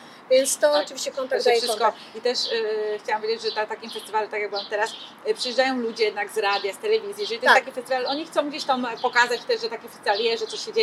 Więc ja też byłam w dwóch radiach teraz y, przy tym Oni festiwalu. też potrzebują Oni też, kontentu oni przecież, ludzie nie? potrzebują. No o to chodzi. Jednak to musi być przecież ta informacja teraz po prostu ona trwa 5 minut, 10 dzień. Jak trwa dzień, no to już naprawdę jest super. Więc ci ludzie non-stop potrzebują kontentu, potrzebują nowych ludzi, tematów. Tego jest tyle, że, że każdy, wydaje mi się, ma coś do powiedzenia Y, i, i wydaje mi się, że po prostu trzeba pisać do tych ludzi i zgłaszać się, słuchaj, może o tym, może o tamtym. Nigdy się nie wie, gdzie można trafić, do kogo można trafić i rzeczywiście może Twój temat, czy to, co masz do przekazania, akurat będzie potrzebne. Po prostu, bo, bo ta informacja teraz tak szybko podróżuje i, i to nie jest tak, że kiedyś jak była jedna gazeta, to przez, przez tydzień się czytało jedną gazetę. Tylko po prostu, no, no wiadomo, media też potrzebują nowych ludzi, nowych twarzy, nowych rzeczy, więc, więc po prostu trzeba, tylko Bardzo trzeba szybko się pisać. zmienia. Trzeba pisać. E, dobrze, to teraz powolutku będziemy przechodzić do, do konkretu, e, bo do konkretu w sensie, no to też był bardzo, bardzo, bardzo konkret. Bardzo konkret, dawno tak konkretnie nie rozmawiałam o fotografii. E, poprzez właśnie takie biznesowe triki, bo to są triki tak naprawdę, no wiesz, które można na, na, na, natychmiast wcielić w życie. Dobrze, ale nie miałaś takiej pokusy, e, żeby, no bo tutaj poszłaś jakby w ten kierunek właśnie festiwalowy, podcastowy i tak dalej, żeby właśnie zaistnieć, ale czy nie miałaś takiej pokusy, że skoncentrujesz się tylko i wyłącznie na zarabianiu pieniędzy, czyli wpakujesz siebie totalnie w rozwój tylko z komercyjnych sesji, no, czy to ślubnych, czy eventowych, czy tam e, modowych, czy, czy, czy Wiem, że Cię interesuje fotoreportaż, wiem na maksa i zaraz będziemy o tym mówić, ale no też jakby szuka się przestrzeni, w których można zarobić. Wiadomo, że na fotoreportażu nie specjalnie zarobisz. Natomiast no, na tych ślubnych, noworodkowych, tych dzieciach w koszyczkach i tak dalej, to już możesz zarobić, prawda? Miałaś taki moment, żeby w tym, kie- bo wiem też, że robisz sesje komercyjne, nie? Tak, robię. E, I rzeczywiście, oczywiście, że miałam takie moment i mam nadal, bo wydaje mi się, że z fotografii reportażowej ciężko jest żyć, jeżeli nie Oczywiście. pracujesz dla agencji, jak nie pracujesz dla właśnie jakiejś gazety, jak nie pracujesz dla jakiejś właśnie, nie wiem, e, organizacji takiej, nie wiem, 7, czy nie wiem, Magnum, czy, czy NOR, czy no nie wiem, Mhm. jakiejś takiej większej, e, czy właśnie e, National Geographic, no to jest ciężej zarobić, Tak. bo nie masz już tyle tych Tak. zleceń, no a dalej musisz płacić rachunki. Więc ja rzeczywiście poszłam taką w fotografię, no bo też w Barcelonie no nie, za, nie zawsze robię reportaże i ile tych reportaży Tak, można tak, tak. Więc rzeczywiście zaczęłam robić takie sesje, powiedzmy, cały czas zostając w takim reportażu, ale to są sesje rodzinne. Mhm. Poszłam w sesje rodzinne, bo doszłam do wniosku, że to jest coś, co może sprzed- można sprzedać. Jest dużo rodzin wszędzie, na całym świecie. Ludzie lubią zachowywać momenty i są dla nich ważne, jak to dziecko było małe, co robili, jak to wygląda. Są to takie sesje niestandardowe, bo jednak to jest reportaż, więc ja spędzam taką Czyli sesja rodzinna dokumentalna. dokumentalną, o, czy reportaż, a dokładnie. Tego jest, w Polsce to jest dosyć nowe i tego jeszcze tyle nie ma. e, Już jest konferencja, wiesz? Jest, już, wiem, będę na tej więcej. W konferencji. Krakowie? Tak, ona jest w październiku. Tak. Tak, będę na tej A, no konferencji. Więc, więc rzeczywiście stwierdziłam, że to jest coś fajnego, gdzie dalej mogę zostać w reportażu, a na czym mimo wszystko mogę zarobić, no bo no, nie, nie czarujmy się, no trzeba, no trzeba zarabiać pieniądze, więc to jest biznes też. E, Więc poszłam w tą stronę trochę, potem przyszła pandemia, więc no niestety... Skończyło się, bo nie Skończyło się troszkę, rzeczywiście, ale, ale uważam, że to jest całkiem fajne, mnie się to podoba. Ale co wtedy? Rozsyłasz reklamy, czy gdzie- info, gdzie reklamujesz siebie jako właśnie tego no, Reporta- e, takiego komercyjnego, rodzinnego? No? E, Znaczy ja, to, ponieważ zaczęłam to niedawno, więc jeszcze nie zdążyłam nawet się za bardzo reklamować. Wszystko przyszło gdzieś tam po znajomych. Tutaj ktoś ma dzieci. Polecenia. Gdzieś polecenia. Teraz przez Instagrama też miałam sesję. Akurat tak wyszło, że to jest, gdzieś tam ja się odezwałam, no ale też e, te powiedzmy mamy powiedziały, że a w sumie to jest fajne, interesujące, więc y, trochę z Instagrama, no ale że mówię, że, że przez tą pandemię nie udało mi się jeszcze tak do końca tego rozkręcić, ale, ale to taka, wydaje mi się, fajna forma e, fotografii, też dalej reportażowej. Nie muszę się gdzieś tam bawić w światła, w studia i tak, dalej. Mhm. A druga rzecz, którą też zaczęłam robić, która też mi się podoba i to jest coś zupełnie jak gdyby na osobnej e, powiedzmy Platformie. platformie takie coś, e, takie sesje e, nie ślubne, bo to nie są ślubne do końca, to są sesje par, powiedzmy, zakochanych, e, tylko to są sesje w takich bardzo nietypowych miejscach, czyli właśnie na, skał, na, na gó- w górach, e, na jakichś plażach skalistych, e, gdzie ja po prostu wykorzystuję to, że na przykład taka para była, miała ślub niedawno, dalej ma tą sukienkę i ja robię takie bardzo kontrastowe sesje, czyli one są częściowo pozowane, no bo ja coś tam im ustajcie Tak, się tak, tu, tak. ale raczej staram się, żeby oni gdzieś sami się, ja im na przykład, nie wiem, każę coś sobie powiedzieć do ucha, albo jakoś się zachować, więc staram się troszkę ich gdzieś tam ustawiać, ale jednak, żeby dalej to było gdzieś Ta tam sesja wyciągać te reżyserowana troszeczkę. Troszkę tak. Ale wkomponowana jakby w okoliczności. No bo Takie tak jak mówię, tak, tak. Mhm, tak. Bo też jakby nie jeździsz ze światłem, nie jeździsz z Nie, blendami. nie, No właśnie. nie. Dobrze, to już jakby biznesy mamy załatwione. Tak. Więc słuchajcie, można po, po, pogodzić to w jakiś sposób, a na pewno yy, to na pewno się na tym nie traci, bo mimo wszystko takie systematyczne dziobanie to przyniesie efekt, yy, mówię dziobanie w sensie pozytywnym, w sensie, że inwestujesz cały czas w siebie. Czyli na przykład wstajesz pewnego dnia, pijesz kawę, jesteś sobie w Barcelonie, otwierasz okno, aha, a może ten sklep potrzebuje zdjęcia i, i już zaczynasz szukać, działać i tak dalej, czyli jakby cały czas pracuje Cały głowa, cały czas. czas pracuje głowa. Dobra. Przechodzimy do rzeczy, którą najbardziej chyba lubisz, czyli podróże i fotografia podróżnicza, a właściwie dokument podróżniczy, bo tak chyba bym to nazwała. E, Już tu wspomniałaś kilkakrotnie, że podróżowałaś od małego i jesteś z tych podróżników, którzy, które podróżnicze, które podróżują samotnie. Więc najpierw była podróż, a potem fotografia, dobrze pamiętam, prawda? Tak. E, przyszedł moment, że połączyłaś to, bo pomyślałaś sobie, że to nie tylko fotografie jest pamiątkowe, ale można z tego zrobić jakiś dokument. Mhm. Powiedz mi, Olu, bo będziesz teraz mówiła o dwóch najważniejszych dla Ciebie rzeczach. Wydaje mi się, że w dobrej kolejności to wymienię, jak będzie to Uganda i, i Indie, bo chyba tak to jest jeszcze jedno miejsce, które kochasz, ale sam to nie przywiozłaś dokumentu, więc mówię o Wyspie Wielkanocnej. E, ale no to jakby zupełnie odrębny temat. E, czy kiedy. Wiem, jak to się stało, ale chciałabym, żebyś powiedziała to dziewczynom. Em, wymyśliłaś sobie, że pojedziesz do Afryki. I wymyśliłaś sobie, chyba już wtedy wiedziałaś, że po to, żeby tam fotografować. Jeszcze chyba nie wiedziałaś dokładnie co, ale żeby fotografować. Eee, No i teraz jak to zrobić, żeby dostać się w miejsca, które tak naprawdę dla zwykłego turysty są niedostępne? I wiem, że wpadłaś na pomysł, żeby pojechać na misję. Na E, wolontariat. Na wolontariat, przepraszam. E, więc, e, więc to był też ten twój sławetny pomysłowy Dobromir. Aha, czyli dobra, to kto ma wolontariaty i gdzie? E, tak? No, taki był pomysł, tak. Pomysł e, w ogóle samo, za- właśnie na odwrót właśnie. Kto poszedł na początku właśnie...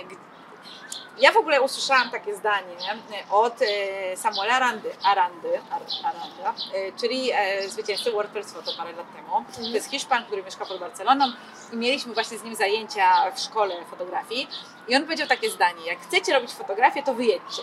Znaczy wy- wyjedźcie z Hiszpanii. Więc ja tak pomyślałam, no to może rzeczywiście, no trzeba wyjechać. Jak tak powiedział jeszcze wyjeżdżać, no to ja lubię, to może rzeczywiście trzeba gdzieś pojechać. No, Ja pracowałam wtedy, bo ja też e, uczyłam się wieczorami, popołudniami, więc ja e, pracowałam też, e, powiedzmy, więc gdzieś tam zarabiałam euro, co jest taką dosyć dobrą walutą, jeżeli chodzi o, o podróżowanie po świecie.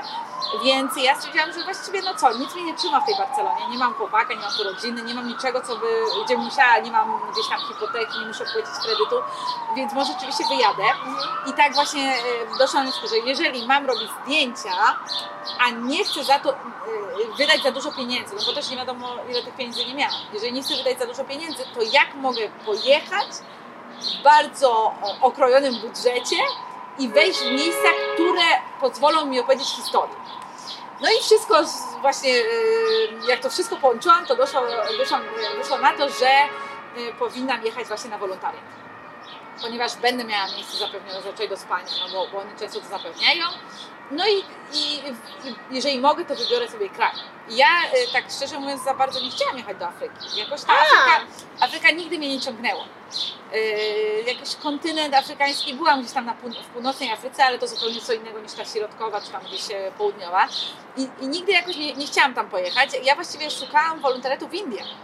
To- Ale jest problem z wolontariatem ale Indiach. było mi ciężko go znaleźć, bo ja zaczęłam, mm, y, znalazłam, to jest taka powiedzmy taki, taka organizacja, która wysyła ludzi z Europy do różnych krajów, y, czy w Afryce, czy w A- Azji, czy nawet w Europie, y, żeby coś tam poma- pomagali. A powiedzmy. jak ta organizacja się nazywa? E, To jest taka w ogóle europejska organizacja i ona się nazywa, musiałam to zobaczyć, to jest jakiś tam, e, e, e, jak to się nazywa? To jest e, socjalna, teraz Ci nie powiem, bo... Dobrze, to potem w może komentarzu nam komentarzu po prostu się co- bo może dziewczyny to też Bo to jest nie? tak, bo to jest w Hiszpanii, ale wiem, że to jest w innych krajach, bo to jak gdyby jest e, europejskie, więc to w różnych krajach jest. I oni mają coś takiego, że po prostu płaci się jakąś tam sumę pieniędzy, nie dosyć dużą, bo ja tego wolontari- wolontariatu szukałam od około pół roku. Ale To nie jest ponieważ- takich obsesa, jak się okazuje. bo nie? nie jest łatwo znaleźć taki wolontariat i znaczy łatwo jest, ale jeżeli nie chcesz zapłacić 2000 euro albo i więcej, no to Czyli przepraszam, ciężko płacisz jest. za to, że jedziesz za darmo popracować? tak niestety to wygląda. Ja w ogóle nauczyłam się dużo o wolontariatach, jak wyjechałam już do Ugandy i jak one działają i szczerze mówiąc, jeżeli miałabym teraz jechać, to chyba bym raczej nie pojechała. E, tak się nauczyłam, że nie jestem pewna, czy to jest do końca dobre. Więc szczerze mówiąc, ja wtedy Się zaczęły chyba robić z tego jakieś instytucje, kurczę, po No taki biznes, zdecydowanie Biznes. biznes, tak. E, więc, e, ale ja wtedy tego nie wiedziałam, No, jak Wiesz, się myślę, że takich jak ty jest wiele.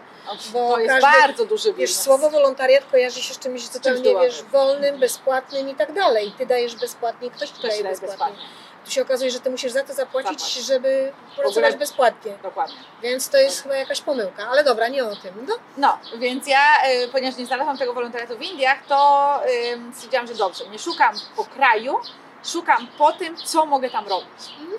I coś, co najbardziej mnie zbliży do ludzi z tamtego miejsca. Bo ja też, e, jak podróżuję, ja podróżuję na couchsurfingu, więc ja zawsze, jak tylko mogę, jeżdżę do ludzi. I też dlatego chyba w większości jeżdżę, jeżdżę, jeżdżę, jeżdżę przez ludzi. Więc e, stwierdziłam, że muszę być z ludźmi stamtąd, bo po, po to chcę tam jechać, poznać ich kulturę, poznać e, ludzi, poznać tak, jak żyją, a nie a nie jednak robić, pracować jakieś... Czyli e, jesteś podróżniczką, która nie jedzie zobaczyć zabytku, tylko raczej poznać klimat, ludzi, lokalny styl życia, tak, generalnie wejść w środowisko. dokładnie, zdecydowanie, No zdecydowanie. to couchsurfing jest jak najbardziej. Dokładnie, nawet e, właśnie kiedyś się pytałam, ktoś mi się zapytał, dlaczego jeżdżę na couchsurfingu, że tam przecież e, to tak No, ma, ma złą się- opinię czasami. No, tak, czasami ma tak. złą, ale ja jeżdżę na couchsurfingu, jak jeszcze był, miał dobrą opinię i ja nigdy mnie z nic złego szczeg- szczerze mówiąc nie spotkało i uważam, e, zawdzięczam bardzo, bardzo dużo couchsurfingowi i tylko po prostu trzeba jeździć trochę z głową. I nawet jakby był e, płatny, to pewnie też bym jeździła na couchsurfing. Ale, ale dlatego zamiast Indii pojechałam do Ugandy, bo po prostu tam był projekt, w którym mogłabym pracować, który najbardziej zbliżał mnie do ludzi. I musiałeś zapłacić za ten wyjazd? Tak. Nie jest tajemnicą ile? Nie, nie, 500 euro. Ale to nie jest, znaczy, A byłaś jak długo? ja byłam w Ugandzie 6 miesięcy, A, no to jest... ale powiedzmy ten e, 500, bo ja przez 3 miesiące tylko pracowałam w organizacji, Okej. no to powiedzmy to był 500 euro na 3 miesiące. To i tak wydaje mi się, że nie jest taka suma jak gdzie Dobra, ale gdzie tak indziej. naprawdę, jeżeli już mówimy o tym, bo to bardzo fajny Mhm. temat w ogóle się nagrywa. Zdecydowanie. Dlatego, że fotografki, fotografowie w ogóle też często szukają takich dojść, bo tak jak Ty mówiłaś tutaj, w, taką, w taki sposób można łatwiej zrobić nawet jakiś projekt, bo wchodzisz w to po prostu głęboko. To się szuka, czy jechać z lekarzami bez granic, czy na Tak, wolontariat, tak. więc to jest chyba cenna uwaga, żeby dobrze sprawdzać, czy po prostu się nie płaci za to, Mhm. e, bo zapłaciłaś za co? Za, za mieszkanie? Znaczy, ja szczerze mówiąc do końca nie wiem za co, znaczy zapłaciłam. Zapłaciłam dla tej, po pierwsze zapłaciłam pewnie, część tej pieniędzy pójdzie dla tej organizacji, jak gdyby, która mnie wysłała. Część pewnie pójdzie do tej organizacji lokalnej, która tam rozporządza tymi ludźmi, Mhm, którzy przyjeżdżają z mhm. Europy, a część może jakaś mała, część pewnie poszła do rodziny. To- Bo ja No mieszkałam w rodzinie, jeszcze to Mhm. muszę powiedzieć, ja mieszkałam w rodzinie ugandyjskiej. Czyli nawet y, to, to rodzina Cię utrzymywała tak naprawdę. Znaczy, no oni może jakaś część, pieniędzy. tak. tak, tak. Znaczy oni mi tam dawali śniadanie, jakąś kolację, miałam miejsce do spania, więc oni na pewno, po prostu to są rodziny, które przyjmują takie osoby, które przyjeżdżają z Europy. Bo oni tam mieli powiedzmy dostosowany taki pokój, żeby to jakoś tam wyglądało, chociaż ja nie jest obojętnie w jakich warunkach śpię, ale, ale rzeczywiście to było takie trochę, e, tak to wyglądało. No i jak tam pojechałeś do Ugandy, to jeszcze nie miałaś pomysłu na to, co tam zrobisz, Nie. co Nie, sfotografujesz. nie, nie miałam, nie miałam. To, to wyszło po prostu, bo ja stwierdziłam, że Ale wiedziałaś, że chcesz zrobić dokument na wyjeździe tak, i że to właściwie główny powód Twojego wyjazdu? Dokument. tak, tak. Chcesz zrobić dokument. Tak. Dobra. Przyjeżdżasz tam i co spowodowało, że wpadłaś na pomysł Dzieci Boga? E, o dzieciach ulicy. E, dzieciach ulicy, Boże. Znaczy, dzisiaj Boga się nazywa. Tak. E, dlatego, ponieważ w organizacji, w której ja pracowałam, jedną z takich rzeczy, którą oni się zajmowali, właśnie była pomoc dzieciakom, które mieszkają na ulicy. E, Ja pracowałam w takim małym miasteczku pod Kampalą, czyli pod, przy stolicy Ugandy i em, oni się głównie zajmują tymi dzieciakami, które tam mieszkają. Ja, ponieważ em, jestem osobą, która raczej gdzieś stara się poruszać te tematy, które mnie osobiście dotykają i niektóre się może lepiej sprzedają, sprzedają co jest może błędem, ale raczej takie, które Musisz na dla mnie, jako biznesmenka. Chyba tak. Dla mnie największym, e, powiedzmy, takim, e, to co mnie najbardziej mm, lubię w tej fotografii, to nawet nie, same, to nie są same zdjęcia. Ja nie robię Proces po to, żeby jest dla mieć Ciebie ważny. zdjęcie. Ja robię po to, żeby opowiedzieć historię. Wydaje mi się, A, że ja czyli po to robię jesteś historię. jakby głosem tych ludzi. Znaczy głosem, no to jest, e, powiedzmy, ja bym powiedziała, że, że dla mnie fotografia sama w sobie nie jest atrakcyjna. Dla mnie fotografia jest atrakcyjna, ponieważ pozwala mi pokazywać świat innym No ludziom. ale to znaczy, że wierzysz w to, że bo ja, ja, ja akurat uważam tak, że fotografia ma mimo wszystko moc sprawczą i może wiele rzeczy poruszyć, o których często zapominamy, nie chcemy widzieć, nie chcemy pamiętać, a mimo wszystko przez to, że to jest na obrazach, to w jakiś sposób nam o tym przypomina. Dobrze, o dzieciach ulicy, no właśnie Dzieci Boga, bo to jest tytuł Twojego projektu tak naprawdę. I jak już tam byłaś na miejscu i, bo to rozumiem, że to były dzieci, które żyły na ulicy, nie miały domów, Tak, w większości, tak. w większości, Nie, nie miały, czyli, nie czasami to były rodzin. biedne dzieci, a czasami po prostu dzieciaki, które tam Czy mieszkały. Twoja praca dla, jako wolontariuszki polegała na tym, że w jakiś sposób się nimi zajmowałaś? Nie, nie. Ja y, w ogóle tam... A co robiłaś jako wolontariuszka? Znaczy, ja tam pojechałam właśnie, żeby pracować gdzieś tam w terenie z tą organizacją, czy jakieś, y, ja tam powiedziałam, że ja, y, no właśnie mogłam robić różne rzeczy, ale, więc oni na początku mi kazali uczyć, u, uczyć matematyki, angielskiego, ale to, to przez, zrobiłam może dwie, trzy lekcje, bo nie po to tam pojechałam, ale jak e, się okazało, że jednak jestem fotografką i tam mogę coś dla nich zrobić takiego bardziej wizualnego, no to też e, zaczęłam robić dla nich zdjęcia po prostu. Aha, Więc no ja też całe e, szczęście. Więc zaczęłam robić dla nich zdjęcia, takie, które oni mogli gdzieś tam użyć w tych swoich raportach, e, żeby mieć po prostu gdzieś No tak, udokumentowane no to, tak. co robią. Więc ja też robiłam trochę takich administracyjnych rzeczy. Na pewno nie chciałam uczyć, bo ja nie jestem nauczycielką.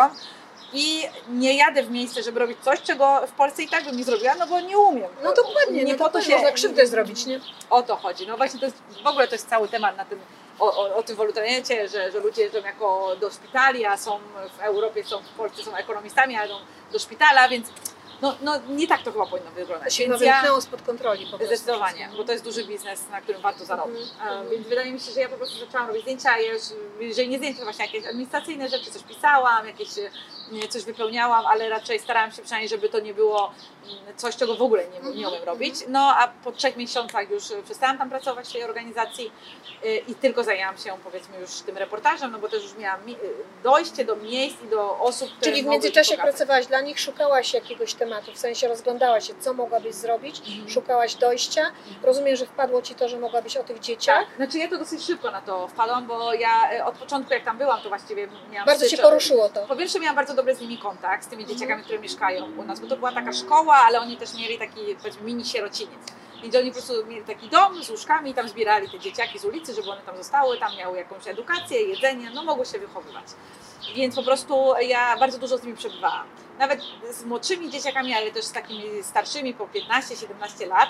E, I ja miałam bardzo naprawdę dobry z nim kontakt, oni mi bardzo dużo opowiadali, jak to wszystko wygląda, więc ja od razu wpadłam właściwie na to, że jeżeli ja mam tak dobrze to rozumiem i tak bardzo się powiedzmy Weszłaś jest- tak, miałam taki po prostu z nim fajny kontakt, to może uda mi się e, opowiedzieć tą historię i pokazać, e, że coś takiego jest i że, że jednak e, dalej w tym XXI wieku te dzieci żyją w Ugandzie, znaczy w Ugandzie, w całej Afryce właściwie jest, czy w Azji. Jest ich bardzo dużo i to dalej jest problem, na który po prostu takie jak gdyby społeczeństwo ugandyjskie mam wrażenie nie zwraca takiej uwagi, bo gdzieś są do tego przyczajeni, widzą to codziennie, więc No tak, to no dla w nich, Indiach jest to biznesem nie wręcz jest, dzieci e, na ulicach, nie? e, więc tak. A powiedz mi, jak już skończyłaś tę pracę dla wolontariatu, to zdecydowałaś się zostać dłużej? Czy już zmieniłaś miejsce zamieszkania? Czy mieszkałaś dalej u tej rodziny? Nie, e, wyjechałam. Wyjechałam do tej rodziny, e, ponieważ e, no, też nie było sensu tam dalej mieszkać, oni też mi zabraniali wychodzić późno. No wiadomo, no, opiekowali się mną i to naprawdę Ponosili bardzo jakąś odpowiedzialność o to chodzi. Więc ja musiałam e, po prostu wyjechać i, e, i stwierdzić, że dobra, będę jakoś tam odpowiedzialna za siebie. I wróciłam jak gdyby do tej organizacji lokalnej, która nas wysyłała na te projekty i tam był taki dom, e, w którym mieszkali Europejczycy albo Azjaci, tam na przykład z Japonii, e, którzy też przyjechali na jakiś projekt. E, Więc jeżeli nie chciałeś mieszkać w rodzinie, to mogłeś mieszkać w takim domu. No i ja tam mieszkałam, no bo nie miałam innej opcji, to była, To w tam było tanio, byli ludzie z Europy, zawsze można było z kimś zamienić słowo, Wymienić e, poglądy wymienić poglądy, więc ja tam przez trzy miesiące kolejne mieszkałam. i wtedy robiłaś ten projekt. I wtedy robiłam ten projekt. Dokładnie. Czy jak już robiłaś ten projekt, to miałaś świadomość, że będziesz go próbowała sprzedać w jakiejś gazecie? No tak, oczywiście. No wiadomo, jednej strony robię ten projekt dlatego, że mnie poruszyła ta cała sytuacja i jak już potem weszłam do tego tematu, bo ja robiłam ten projekt w Kampali, już w samej Kampali. Przepraszam, wy- wyjdę Ci słowo, to, to, to też świadczy o tym, że Ty mimo wszystko, jak na przykład robisz jakiś projekt i tak dalej, to gdzieś w tyle głowy sobie zakładasz, dobra, zrobię projekt, bo mnie to porusza, ale Cię mogłabym to jakoś wykorzystać, pchnąć, tak? Znaczy, z jednej strony tak, ale z drugiej strony nie, bo ja jednak robię projekt dlatego, że mnie poruszył, a nie dlatego, że ja go sprzedam. Okej, Oczywiście ja go zrobię i chcę go pokazać. Jeżeli e, do mnie nie przychodzą na stronę tłumy ludzi z internetu, no to muszę go sprzedać w miejsce, gdzie jednak to pokażę. No wiadomo, to, to ile ja zarobię z takiego projektu, to w ogóle nie ma to przełożenia są na to, co ja wydałam. O to chodzi. Więc no, dlatego A to, dała Ci coś tam, przepraszam, do jakiej gazety sprzedałaś ten projekt? ja go sprzedałam w dwa miejsca e, w Hiszpanii. Jedna taka duża hiszpańska gazeta, no chyba największa, El País, a druga to jest taka powiedzmy niezależne medium, to się nazywa 5W. e, I to jest takie, oni bardzo stawiają na taką niezależną e, dziennikarstwo, na historię z różnych części świata. Czy to Im trochę sprzedało. trwało, zanim ktoś się zainteresował tym tematem, czy akurat miałaś Dosyć farta? szybko. Szybko. Dosyć Czy miałaś farta? No, ja Ale przyjechałam. też chyba deptałaś dość ostro, nie? W Znaczy, sensie, ja też- bo jak tak już Ciebie trochę znam z opowieści, to wydaje mi się, że jednak sobie wygooglałaś tam ileś tych tytułów, gdzie mogłabyś odezwać się i po prostu się odezwałaś, że masz temat. Znaczy nie, nie, Nie. nie. To poszło O. dlatego, że ja miałam dobre kontakty. Ja jestem do, dosyć kontaktową osobą, więc ja, em, ponieważ chodziłam na te eventy, to ja bardzo dużo ludzi poznawałam. Więc e, Proszę pamiętać, jak będziecie robić prelekcje i Trzeba macie pozna- gości na widowni, to nie zamykajcie wszystkiego i nie uciekajcie, tylko idźcie w tłum, gadajcie skąd Tak. jesteś, dlaczego tu jesteś, co Tak, robisz. ja dostałam po prostu kontakt do, Mm. po pierwsze miałam y, szkoła, do której chodziłam właśnie fotografii, ona mnie wypromowała, znaczy ona mi pomogła w ogóle dostać się na festiwal do Francji, y, na program przez Canona organizowanego dla młodych fotografów. Y, po drugie znałam osobę z El Pais, y, jedną dziewczynę, znaczy ja jej do końca znałam, ale znałam osobę, która ją zna, więc miałam do niej kontakt bezpośredni. Jaż ty kojarzysz I pod- te fakty. I po trzecie miałam, e, miałam kontakt do osoby właśnie z tej 5W. E, Do nich miałam kontakt, bo też oni organizowali Czyli po i prostu tak raczej byłaś już zdecydowana, gdzie Ja po uderzysz. prostu wiedziałam, do kogo Mhm. uderzę, bo ja po prostu ich już znałam. I co, i zainteresowali się? Tak. Zainteresowali się, sprzedałaś? Zadziało się coś po tym? Bo o pieniądze nie pytam, bo wiem, że są małe, więc Tak. w ogóle nie ma nawet o czym rozmawiać. Ale zadziało się coś po tym? Dostałaś jakiś feedback? Ktoś się, nie wiem, odezwał? Coś, coś się wydarzyło? Szczerze mówiąc, tak nie do końca. Znaczy, jeżeli chodzi o, tą, e, o, tą, o ten festiwal we Francji, to rzeczywiście to było, to, to, to mi się bardzo udało, że e, zostałam właśnie wybrana jako jedna z pięciu I to osób. ten projekt Ci pomógł, tak? Tak, Dostać bo to przez tam. ten projekt, e, jak gdyby, bo to chodziło o to, że jest to festiwal, e, on się nazywa Canon, Magnum and Canon for, for Young Photographers. I to jest projekt organizowany, nie wiem czy dalej, e, na festiwalu Visa pour Image we Francji, czyli takim największym festiwalu fotoreportażowym i dokumentalnym na świecie, chyba na świecie nawet, nie, tylko właśnie dla fotografii dokumentalnej. I, I po prostu oni organizują tam, zbierają ludzi z całej Europy, około pięć osób z każdego kraju. Czyli taką ym, kluczem, żeby się tam dostać, to jest po prostu dobry y, dokument, dobry, dobry projekt. Dobra, dobry projekt, dobra fotografia. Mhm, jak mhm. gdyby ja o tym nie wiedziałam i ja zostałam zgłoszona przez moją szkołę, w której fotografię studiowałam. O, widzisz, Więc czyli to to, jest też fajne. Bo ja właśnie tą fotografię w tej szkole, tak szczerze mówiąc, studiowałam bardziej dla kontaktu niż dla samej fotografii. Ponieważ wiedziałam, że ta szkoła mi da kontakty do osób, które pracują w zawodzie, które są fotografami, które po prostu mają e, do fotografów, którzy... Ola, czy tego uczą na stosunkach międzynarodowych? Przecież Cię słucham. To po prostu... Zdecydowanie nie, to jest po prostu kombinowanie i sobie radzenie, to jest taka życiowe, życiowe po prostu radzenie sobie w życiu, jak się da. A tak się zastanawiałam przez moment, to takie trochę wtrącenie, ale tak trochę rozmawialiśmy o tym wolontariatach. Ty wiesz, że...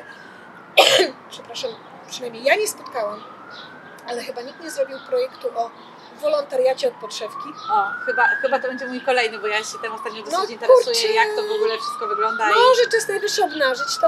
o, myślę, że bardzo dobry pomysł, chyba, No. chyba zacznę się bardziej interesować. No to się zacznie interesować, bo jak już widzę, jak ty łączysz te sznurki, to bardzo szybko to połączysz, a znasz temat. Dobrze. Yy, Czyli mówiliśmy o tym, że niespecjalnie to przyniosło efekt, ale jakby też chyba trzeba było się z tym liczyć, prawda? Bo jakby świat jest trochę, no trochę obojętny. No często traktują to jako sensację, dobra, mamy dobry content, dobre zdjęcia, ale my nie jesteśmy od tego, żeby naprawiać świat, prawda? Natomiast festiwal to jest ko- kolejna inwestycja w Ciebie, to już zupełnie przypadkowo, bo szkoła Ci trochę pomogła, Tak, tak. czyli Twoje kontakty też, Tak. czyli to, co wcześniej zainwestowałaś w No, siebie, czyli to wszystko szkoła. jest połączone, to ale ci to widać teraz. dokładnie. I co Tak. się tam wydarzyło takiego we Francji? Znaczy we Francji to zdecydowanie, no takie na, jeżeli chodzi o moje portfolio, czy to, to co gdzieś tam osiągnęłam, to, to, to jest to taka rzecz, o której jestem dosyć, dosyć dumna, bo i tam właśnie pojechałam na ten festiwal jako jedna z pięciu osób z całej Hiszpanii. I do tego no, Polka, ładnie. I do tego Polka, nie? Więc ja się bardzo ci- ucieszyłam, że oni mnie wybrali na, tą, na ten festiwal i że mogła pojechać, bo tam oczywiście były zajęcia z osobami właśnie z National Geographic, z Washington Post, New York Timesa. To był tydzień, tygodniowy festiwal. e, Przy właśnie Visa pour Image, oprócz wystaw i oprócz wejścia do różnych agencji, które tam są. W tym czasie no, mieliśmy jeszcze zajęcia, mieliśmy właśnie oglądanie portfolio, mieliśmy bardzo dużo takich, takich praktycznych e, rad i, i tam bardzo, bardzo dużo nazbierałam kontaktów. I e, niektóre mi coś tam przyniosły, niektóre nie do końca, ale gdzieś tam te kontakty mam i wcześniej czy później pewnie je wykorzystam. Może. No i na pewno, na pewno, jak znam Ciebie, to na pewno. z Gazety Wyborczej chłopaka poznałam redaktora. który Tam na festiwalu? Tak, tak, tak, tak, tak, tak.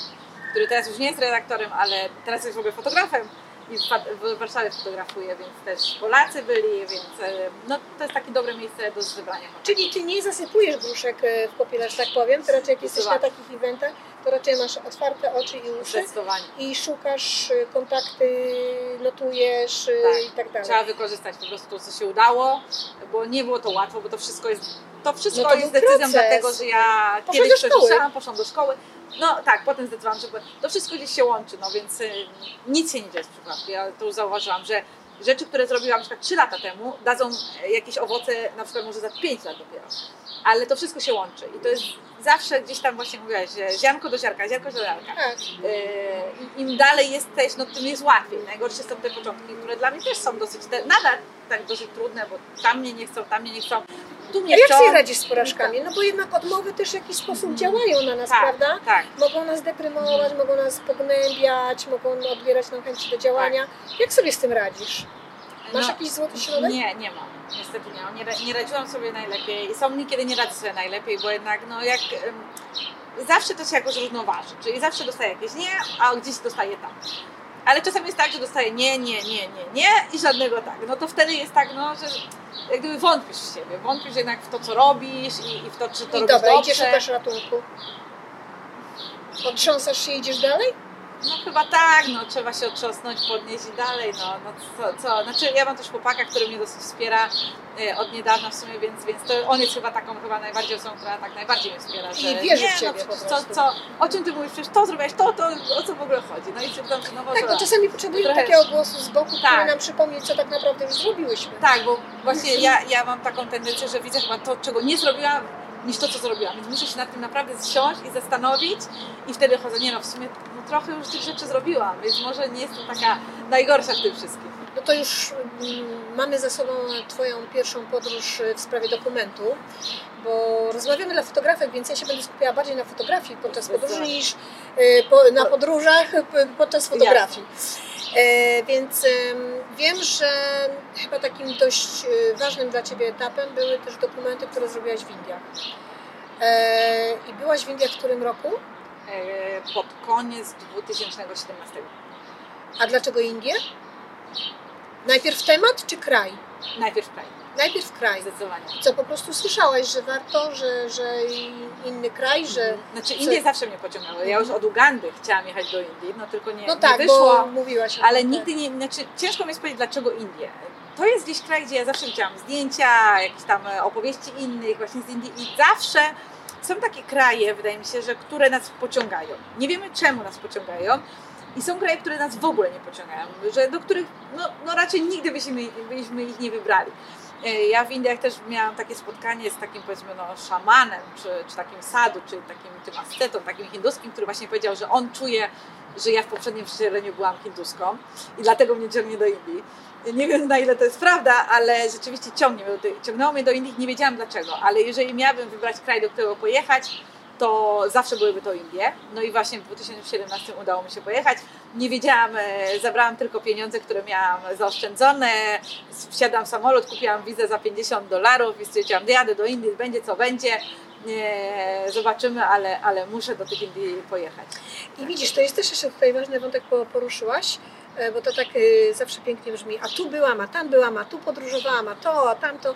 I każdy myśli, że ta dziewczyna to mi pieniądze z nieba jej lecą, ale powiedziałaś to bardzo ważną rzecz. Zebrałam wszystkie zaoszczędzone pieniądze, czyli to jest też konkretne kolejne inwestowanie jakby w siebie, czyli żeby gdzieś pojechać, musisz najpierw sobie na to zapracować, mimo wszystko, zaoszczędzić. To nie jest tak, że wszystko przychodzi za darmo.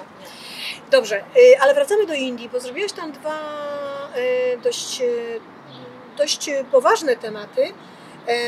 Ja też trochę jakby znam Indię i wiem, że to zwłaszcza kobiecie jest dość trudno robić takie rzeczy.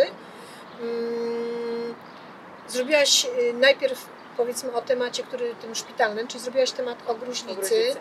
i to robiłaś w jakiej miejscowości? Także. Agrze, no proszę.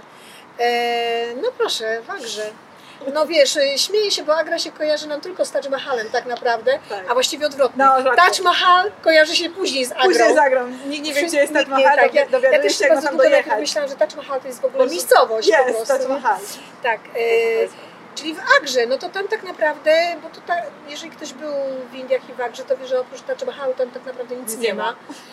Więc jeżeli planujecie wyjazd do Indii, to tylko zobaczyć Taj Mahal i najlepiej wracać, Dokładnie. ewentualnie przenocować. Ile byłaś w tej Agrze? E, W miesiąc. O, to długo. I mieszkałaś też na couchsurf- couchsurfingu? Nie, w Agrze mieszkałam, e, ponieważ ja ogólnie na, na couchsurfing jeżdżę raczej na krótkie, tak no jak Wyjazdy. couchsurfing, No na tak, bo krótkie wyjazdy. Nie mogę u kogoś mieszkać przez miesiąc, przez albo miesiąc, tak. przenosić się co tydzień gdzie indziej, bez sensu, a szczególnie biorąc pod uwagę ceny w Indiach, więc naprawdę można tam no tak, mieszkać tam za jest 5 tanie. dolarów. Tak. Więc e, ja mieszkałam w hostelu po prostu, w takim małym hostelu, mieszkałam e, w jakimś czteroosobowym pokoju, ale właśnie cały dzień mnie nie było, więc to chodziło tylko o to, gdzie się No dobrze, ale do Agry pojechałaś już wiedząc, że możesz tam robić ten temat? Znaczy, ja w ogóle do Indii jak już przyjechałam, ja przyjechałam do Delhi, w której byłam przez trzy tygodnie. E, I w Delhi właśnie pierwsze, to był pierwszy pomysł w ogóle, co ja tam chciała robić, to było, i to pierwsze, co zauważyłam, to jest zanieczyszczenie. I to był mój pierwszy pomysł na, na taki temat, ponieważ e, po pierwsze jest bardzo duże zanieczyszczenie Mówimy o zanieczyszczeniu powietrza. powietrza i w ogóle wody i Mhm, całego powiedzmy wpływu na klimat. Tak, tak, tak. E, więc stwierdziłam, że to jest najlepszy temat. Po pierwsze właśnie, że to, tego jest dużo i, i to widać, znaczy łatwo jest to dokumentować, No a po drugie e, to się łatwo sprzeda.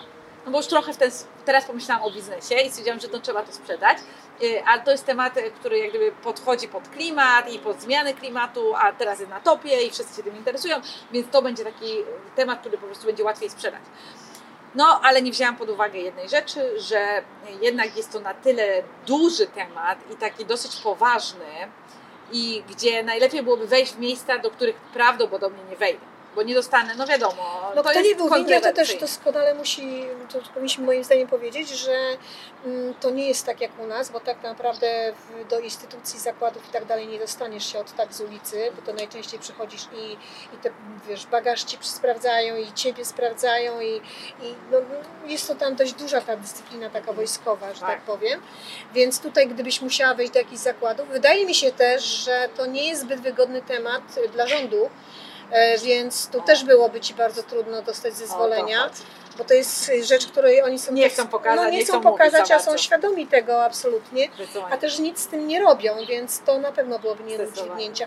I, I wtedy co, poznałaś kogoś, kto Ci zasugerował ten temat? Nie, y, ale znaczy rzeczywiście poznałam kogoś, bo ja chodziłam na takie spotkanie, y, właśnie y, poszłam na dwa czy trzy spotkania, które dotyczyły właśnie ochrony środowiska. Zaraz, zaraz, czyli co, rzeki. gazetę i zaczęłaś szukać eventów, gdzie mogłabyś iść? Nie wiem, szczerze mówiąc nie pamiętam jak to było, czy kto, ja to zobaczyłam, a nie, bo ja poznałam kogoś z Greenpeace w ogóle w Indiach, Y, też się dostałam przez jakąś organizację, ktoś mi polecił, y, napisz do Greenpeace, więc ja napisałam na Facebooku, oni mi odpisali, to może się spotkamy, poszłam do Greenpeace, tam pracowałam dla Greenpeace na jednej takiej ich y, manifestacji i później oni mi powiedzieli, robiłaś im zdjęcia? tak, tak, robiłam im zdjęcia. Mhm. A później e, dowiedziałam się właśnie, że no e, słuchaj, jest takie spotkanie, może idź, tam się czegoś dowiesz. I ja poszłam. To było o ochronie rzeki Jamny, Jam, Mhm. Jamury, czy, e, która przepływa... Jamuny. Jamuny, która jest przepływa i jest bardzo zanieczyszczona i ja poszłam na to spotkanie.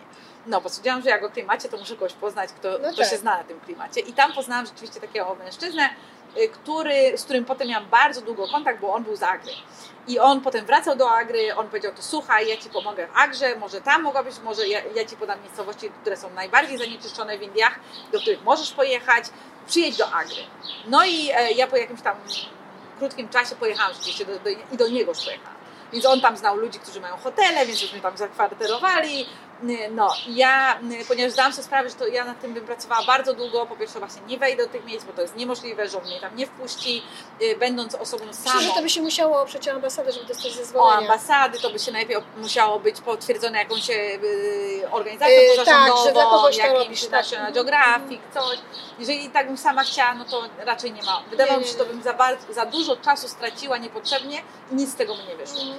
Ale ponieważ y, stwierdziłam, że to jest rzeczywiście interesujący temat, to przejdę do czegoś, co jest mniejsze, a co gdzieś wynika za zanieczyszczenia tema, y, jak gdyby Powietrza. No nie, Jest od tego, efektem. jest jakimś efektem. Mhm. I tak doszłam do nim gruźnicy, która oczywiście nie jest tylko efektem zanieczyszczenia, ale powiedzmy może go jak gdyby potegować. Jest, y, na pewno jest przez to, że jest takie, to jest ta gruźnica gorsza. Jest chyba, India to jest chyba teraz pierwszy kraj, jeżeli chodzi o chory na gruźlicę, albo czy drugi, to jest gdzieś tam na samej No górze. tak, bo to i na to inne Więc, dożywienie e, się składa i wszystko. Zdecydowanie. E, Na to, że ludzie żyją bardzo blisko siebie, jest tam Tak, dużo tak, tych tak. tematów.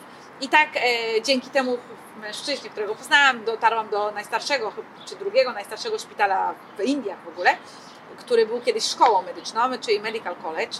E, I tam e, dostałam pozwolenie od dziekana, e, od lekarzy, o których musiałam oczywiście iść, wytłumaczyć, co ja tam robię. Ale, Ale jako- to też musiałaś, wiesz, to akurat dobrze trafiłaś, bo tam możesz fotografować, nawet jak ja fotografowałam w domu dla wdów, to na przykład e, w Varanasi, to mogłam fotografować wdowy, ale już nie mogłam fotografować na przykład personelu. Nie wiem, czy ty miałaś też takie sytuacje? Nie. Ja dostałam pozwolenie na fotografowanie. No Oczywiście, to- no, wiadomo, ze, ze zwoleniem pacjenta, z bardzo taką ostrożnością, no bo y, ja i szczerze mówiąc tak, teraz patrząc z perspektywy, to był chyba najtrudniejszy projekt. No nie zrobiłam ich też No nie trochę też ryzykowałaś zdrowotnie, nie? Tak, ja dostałam maseczkę od nich, chociaż na początku przez pierwszy tydzień w ogóle bez maseczki tam chodziłam, ale później dostałam maseczkę. Y, Ale szczerze mówiąc, no ja też się nie zbliżałam na takie bardzo bliskie Mhm. Ale to był chyba najtrudniejszy projekt, w ogóle zrobiłam.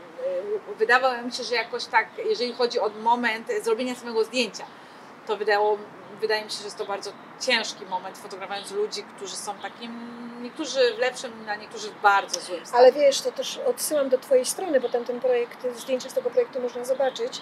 E, To też szpital TAN, to najstarszy szpital, to nie jest nasz szpital. On ma już sam w sobie taki przygnębiający dość, dość klimat. Tak to wyglądają te miejsca, że na przykład nie ma okien, są kraty, prawda, i tak dalej. No, to, Znaczy, ja tylko powiem, że to, żeby też no, starając się jakoś nie zakrzywiać rzeczywistości, no, że to jest wydział e, gruźliczy. Czyli tam, gdzie głównie są ludzie na gruźlicę, ponieważ on musi być bardzo wentylowany. Rzeczywiście to jest taka bardzo stara część, która prawdopodobnie powinna być zamknięta, ale dalej funkcjonuje. Jeżeli chodzi o to, że gruźlica się nie przenosi e, po prostu przez powietrze, to jednak on musi być cały czas wentylacją. Więc tam, no, oczywiście, no, okna powinny być, no, ale też on nie ma ich z jakiegoś powodu.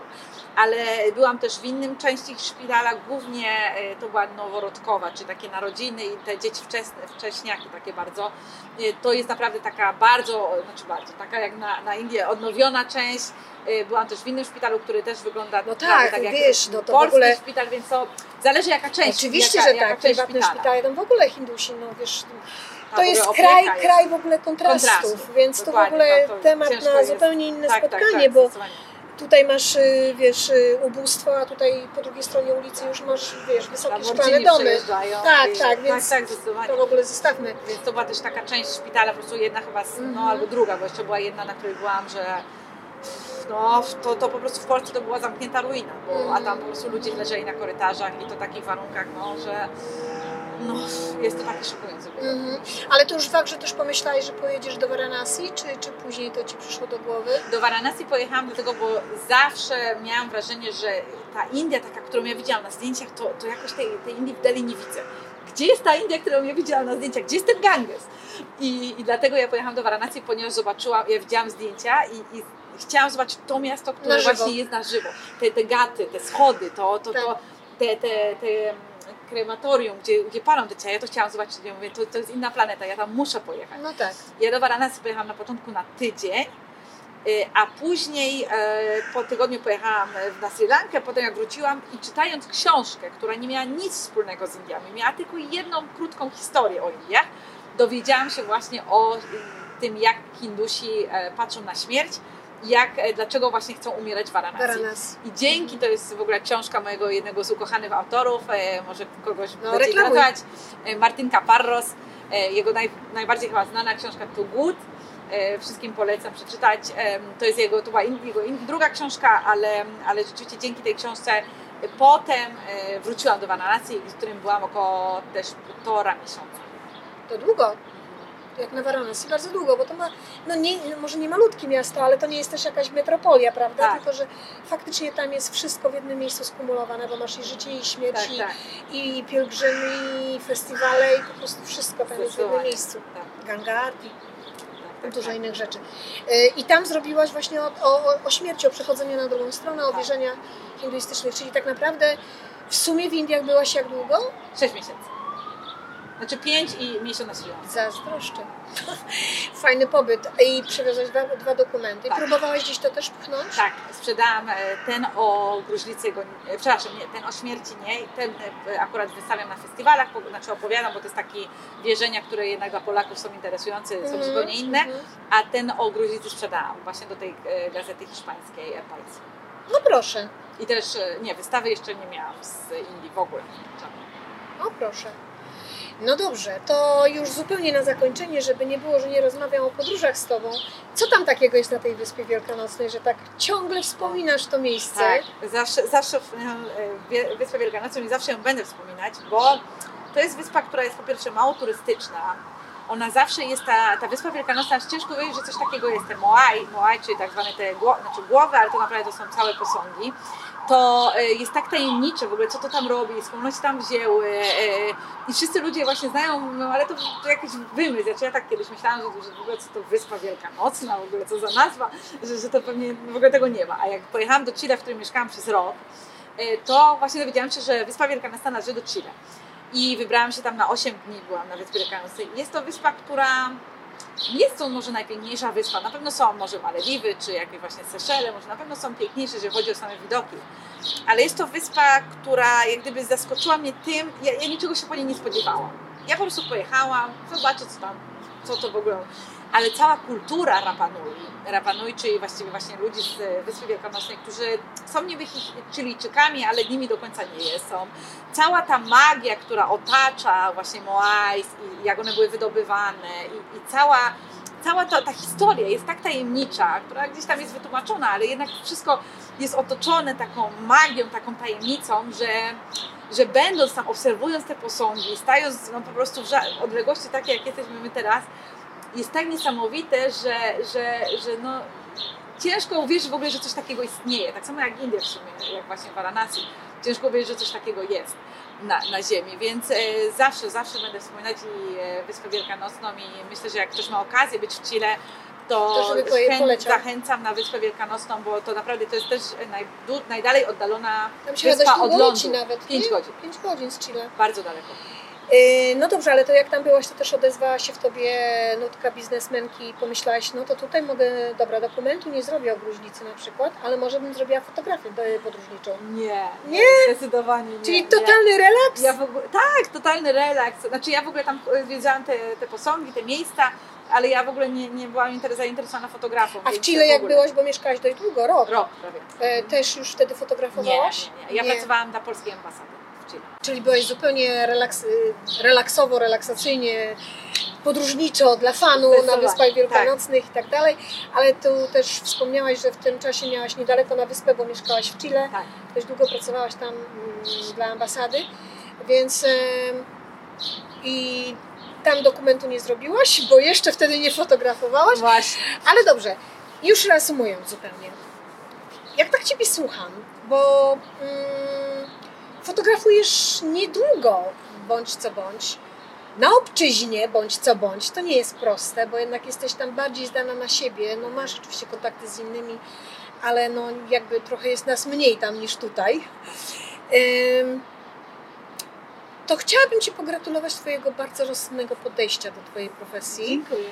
I myślę, że Ty jesteś na tyle zdeterminowana w tej swojej fotografii, dobrze wiesz, co chcesz osiągnąć, że Ty wiesz krok po kroku drążyć i widzisz, już tu wspomniałeś, że będziesz jesienią w Krakowie. My, Poliszumen akurat też jest y, współpartnerem tej, tej konferencji, więc y, gdzieś te drogi się przeplatają, czyli to może być trochę też taki czas, że to Ci już w końcu zacznie wracać ten, ten feedback, że to zacznie już, wiesz, owocować. To jak jesteśmy w tym momencie, bo już rozmawiamy dość długo, mm, co byś poleciła dziewczynom fotografkom? I nie mówię tu o fotografkach, które jakby mają tylko jeden zawód, czyli fotografię, no bo one jakby wiedzą mniej więcej, co mają robić, ale dziewczyny, które często godzą to z inną pracą, mhm. albo też z brakiem pracy, ja na przykład, bo, bo postanowiły postawić na fotografię, tak ze swojego własnego doświadczenia, ja, co byś poradziła dziewczynom? Tak, tak naprawdę czysto, kawa na ławę. Nie tam jakieś fantazje, że inwestuj w siebie, inspiruj się. No inwestuj tak, tylko że konkretnie. Ale na pole, początek. Ale poleciłaś, żeby, chodzi, żeby, żeby coś osiągnąć, żeby, żeby zarobić, swoją, żeby, żeby... Zarobić to w ogóle nie wiem, czy jakbyś miała taką receptę, to pewnie wszyscy się zaraz do Ciebie odezwą, ale pewnie Ty pierwsza. Ja się też, ja się też zgłaszam. Do siebie odezwę. Nie, nie, bardziej pytałam o to, że wiesz, no jest dużo chwil zwątpienia. Sama mówiłaś tutaj, że czasami już człowiek ma dość i, i rzuciłby to w diabły i po prostu zajął się czymś konkretnym, przynoszącym normalne, konkretne pieniądze. No ale zbierasz się potem do kupy i robisz to dalej. No to dobra, to zakładamy, że dziewczyny właśnie są na takim rozdrożu, że, że chcą fotografować, że mają już trochę tych fotografii, ale tak naprawdę nie wiedzą co dalej. E, co bym poradziła? No, yy na pewno bym poradziła, żeby fotografować jednak z pasji, z tego po prostu dla fanu, po prostu, no bo jak jak myślisz jednak o tym biznesie, jak zarobisz, to jest tak męczące i tak mm, pochłania Twoją energię bardziej niż ta sama fotografia. Po prostu już Ci potem się nie chce tych zdjęć robić, bo tak, tak musisz myśleć o tym, y, gdzie to sprzedam, gdzie zarobię, a, a klienci. Więc to jest tak y, z biznesem właśnie, że z jednej strony jest super, bo jesteś, jak gdyby pracujesz dla siebie, ale z drugiej strony no, jest jednak e, okropnie, bo pracujesz dla siebie i zależy to od Ciebie. Więc na pewno bym e, poleciła, jeżeli ktoś pracuje w jakiejś tam firmie, a, robi fotografię, bo lubi i dla hobby, i dla z pasji, to bym poleciła, żeby po prostu robił dalej, e, bo jest to taka ścieżka trudna, wydaje mi się. I trzeba być naprawdę pewnym, że to się chce, bo jest duża konkurencja i ja e, ja jestem daleka od mówienia w ogóle ludziom, że rób to, co kochasz, e, ale w takim sensie, że no czasami po prostu trzeba realistycznie na to popatrzeć, czy to w ogóle wszystko ma sens.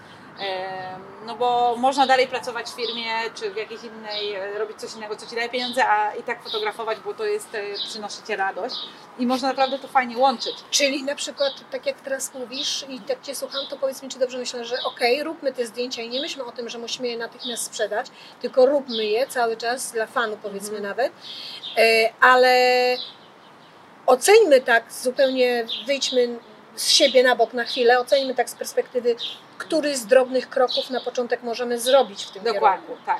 Co jest możliwe. Ma, małe kroki wydaje mi się, to są takie najlepsze, po prostu czy, nie od razu może do nie ambasady do. Chile, może nie, ale nie Ale na przykład są pewne rzeczy, które się nie poszukać, co jest możliwe po Dokładnie, prostu. jeżeli ktoś ma właśnie e, coś poka- do pokazania, jakiś projekt, żeby nie chować tego w szufladach, no wiadomo, no musisz być na jakimś poziomie, żeby jednak ktoś Cię wziął na wystawę, no, no jednak, bo jest taka konkurencja, że zawsze będziesz jedną z wielu, no, Mhm. no więc e, ja myślę, że po prostu trzeba udoskonalić tą fotografię i jakoś tak e, starać się być lepszym, a, aż końc i pokazywać ją przede wszystkim. Ja bym bo... jeszcze dodała jedno, wiesz, jak odrzucają, e, powiedzmy, bo oczywiście nie od razu aplikować z fotografią na festiwal w Paryżu, ale może jeżeli na przykład dopiero zaczynam, to może e, w, w, w, Wałbrzychu powiedzmy, dajmy na to. Dokładnie, dokładnie. Więc drobnymi kroczkami, Do- ale kroczkami. jeżeli mnie odrzucą, to moim zdaniem pytaj dlaczego, niech Ci powiedzą, bo nie wiem, bo słabe, bo nudne, bo nie ma miejsca, bo coś tam, bo to jest dla Ciebie feedback, który jest cały czas Twoją lekcją i Ty możesz wtedy to zmienić, Tak. jeżeli Ci zależy na tym, żeby to poprawić czy zmienić. A masz takiego swojego ulubionego fotografa albo fotografkę?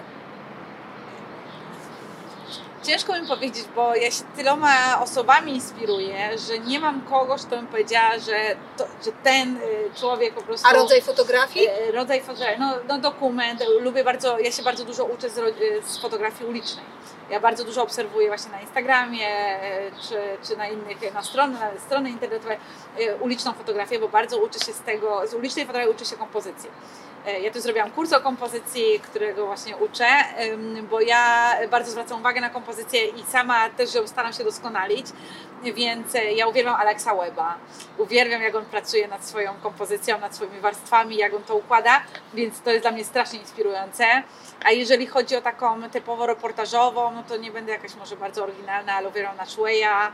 E, W ogóle lubię wszystkich fotografów gdzieś tam z Magnum, e, z tych różnych e, Mhm. agencji, no bo jednak to jest taki poziom, A do Hiszpania ja dobrze stoi fotografią? Hisz, czy Hiszpanie, tak, tak. Bardzo jest dobry, dużo dobrych Hiszpanów, e, którzy fotografują. I no, tak jak mówiłam, no mam Czyli szczęście być w miejscu, które jest takie mocne fotograficzne, takie reportażowo mocne, mocne fotograficznie i e, znam też fotografów, którzy fotografują w Syrii, e, które mają tak naprawdę mocne przeprojekty i, i mogę z nimi obserwować, bo Barcelona też jest bardzo otwarta na fotografię, jest dużo tych festiwali, e, więc e, no, to mi bardzo pomaga, że jednak gdzieś ta fotografia zawsze jest, nie, nie mieszkam w małym mieście, gdzie muszę dojeżdżać, Tak, czy wszystko przez internet, że mogę rzeczywiście iść, spotkać się z kimś, porozmawiać i, i to, to jest myślę, że to taka duża inspiracja i to jest rzecz, którą wydaje mi się dużo, dużo osób zapomina, że właśnie i tak chcą, jak gdyby szukają czegoś dużego, takich wielkich rzeczy, A, można a to wszystko jest, nie? chodzi o drobne kroki, o małe, bo, bo tak jak mówię, no ja e, z, wczoraj nie zaczęłam i dzisiaj nie jestem właśnie na wywiadzie albo nie byłam Tak, na Visa tak, Purimash e, w programie Canona. Oczywiście, że nie, to są mnóstwo kroków, które było i tylko ja wiem, jak duża jest praca wykonana, więc wydaje mi się, że tylko problem jest w tym, że w ogóle w jakimkolwiek sukcesie kogokolwiek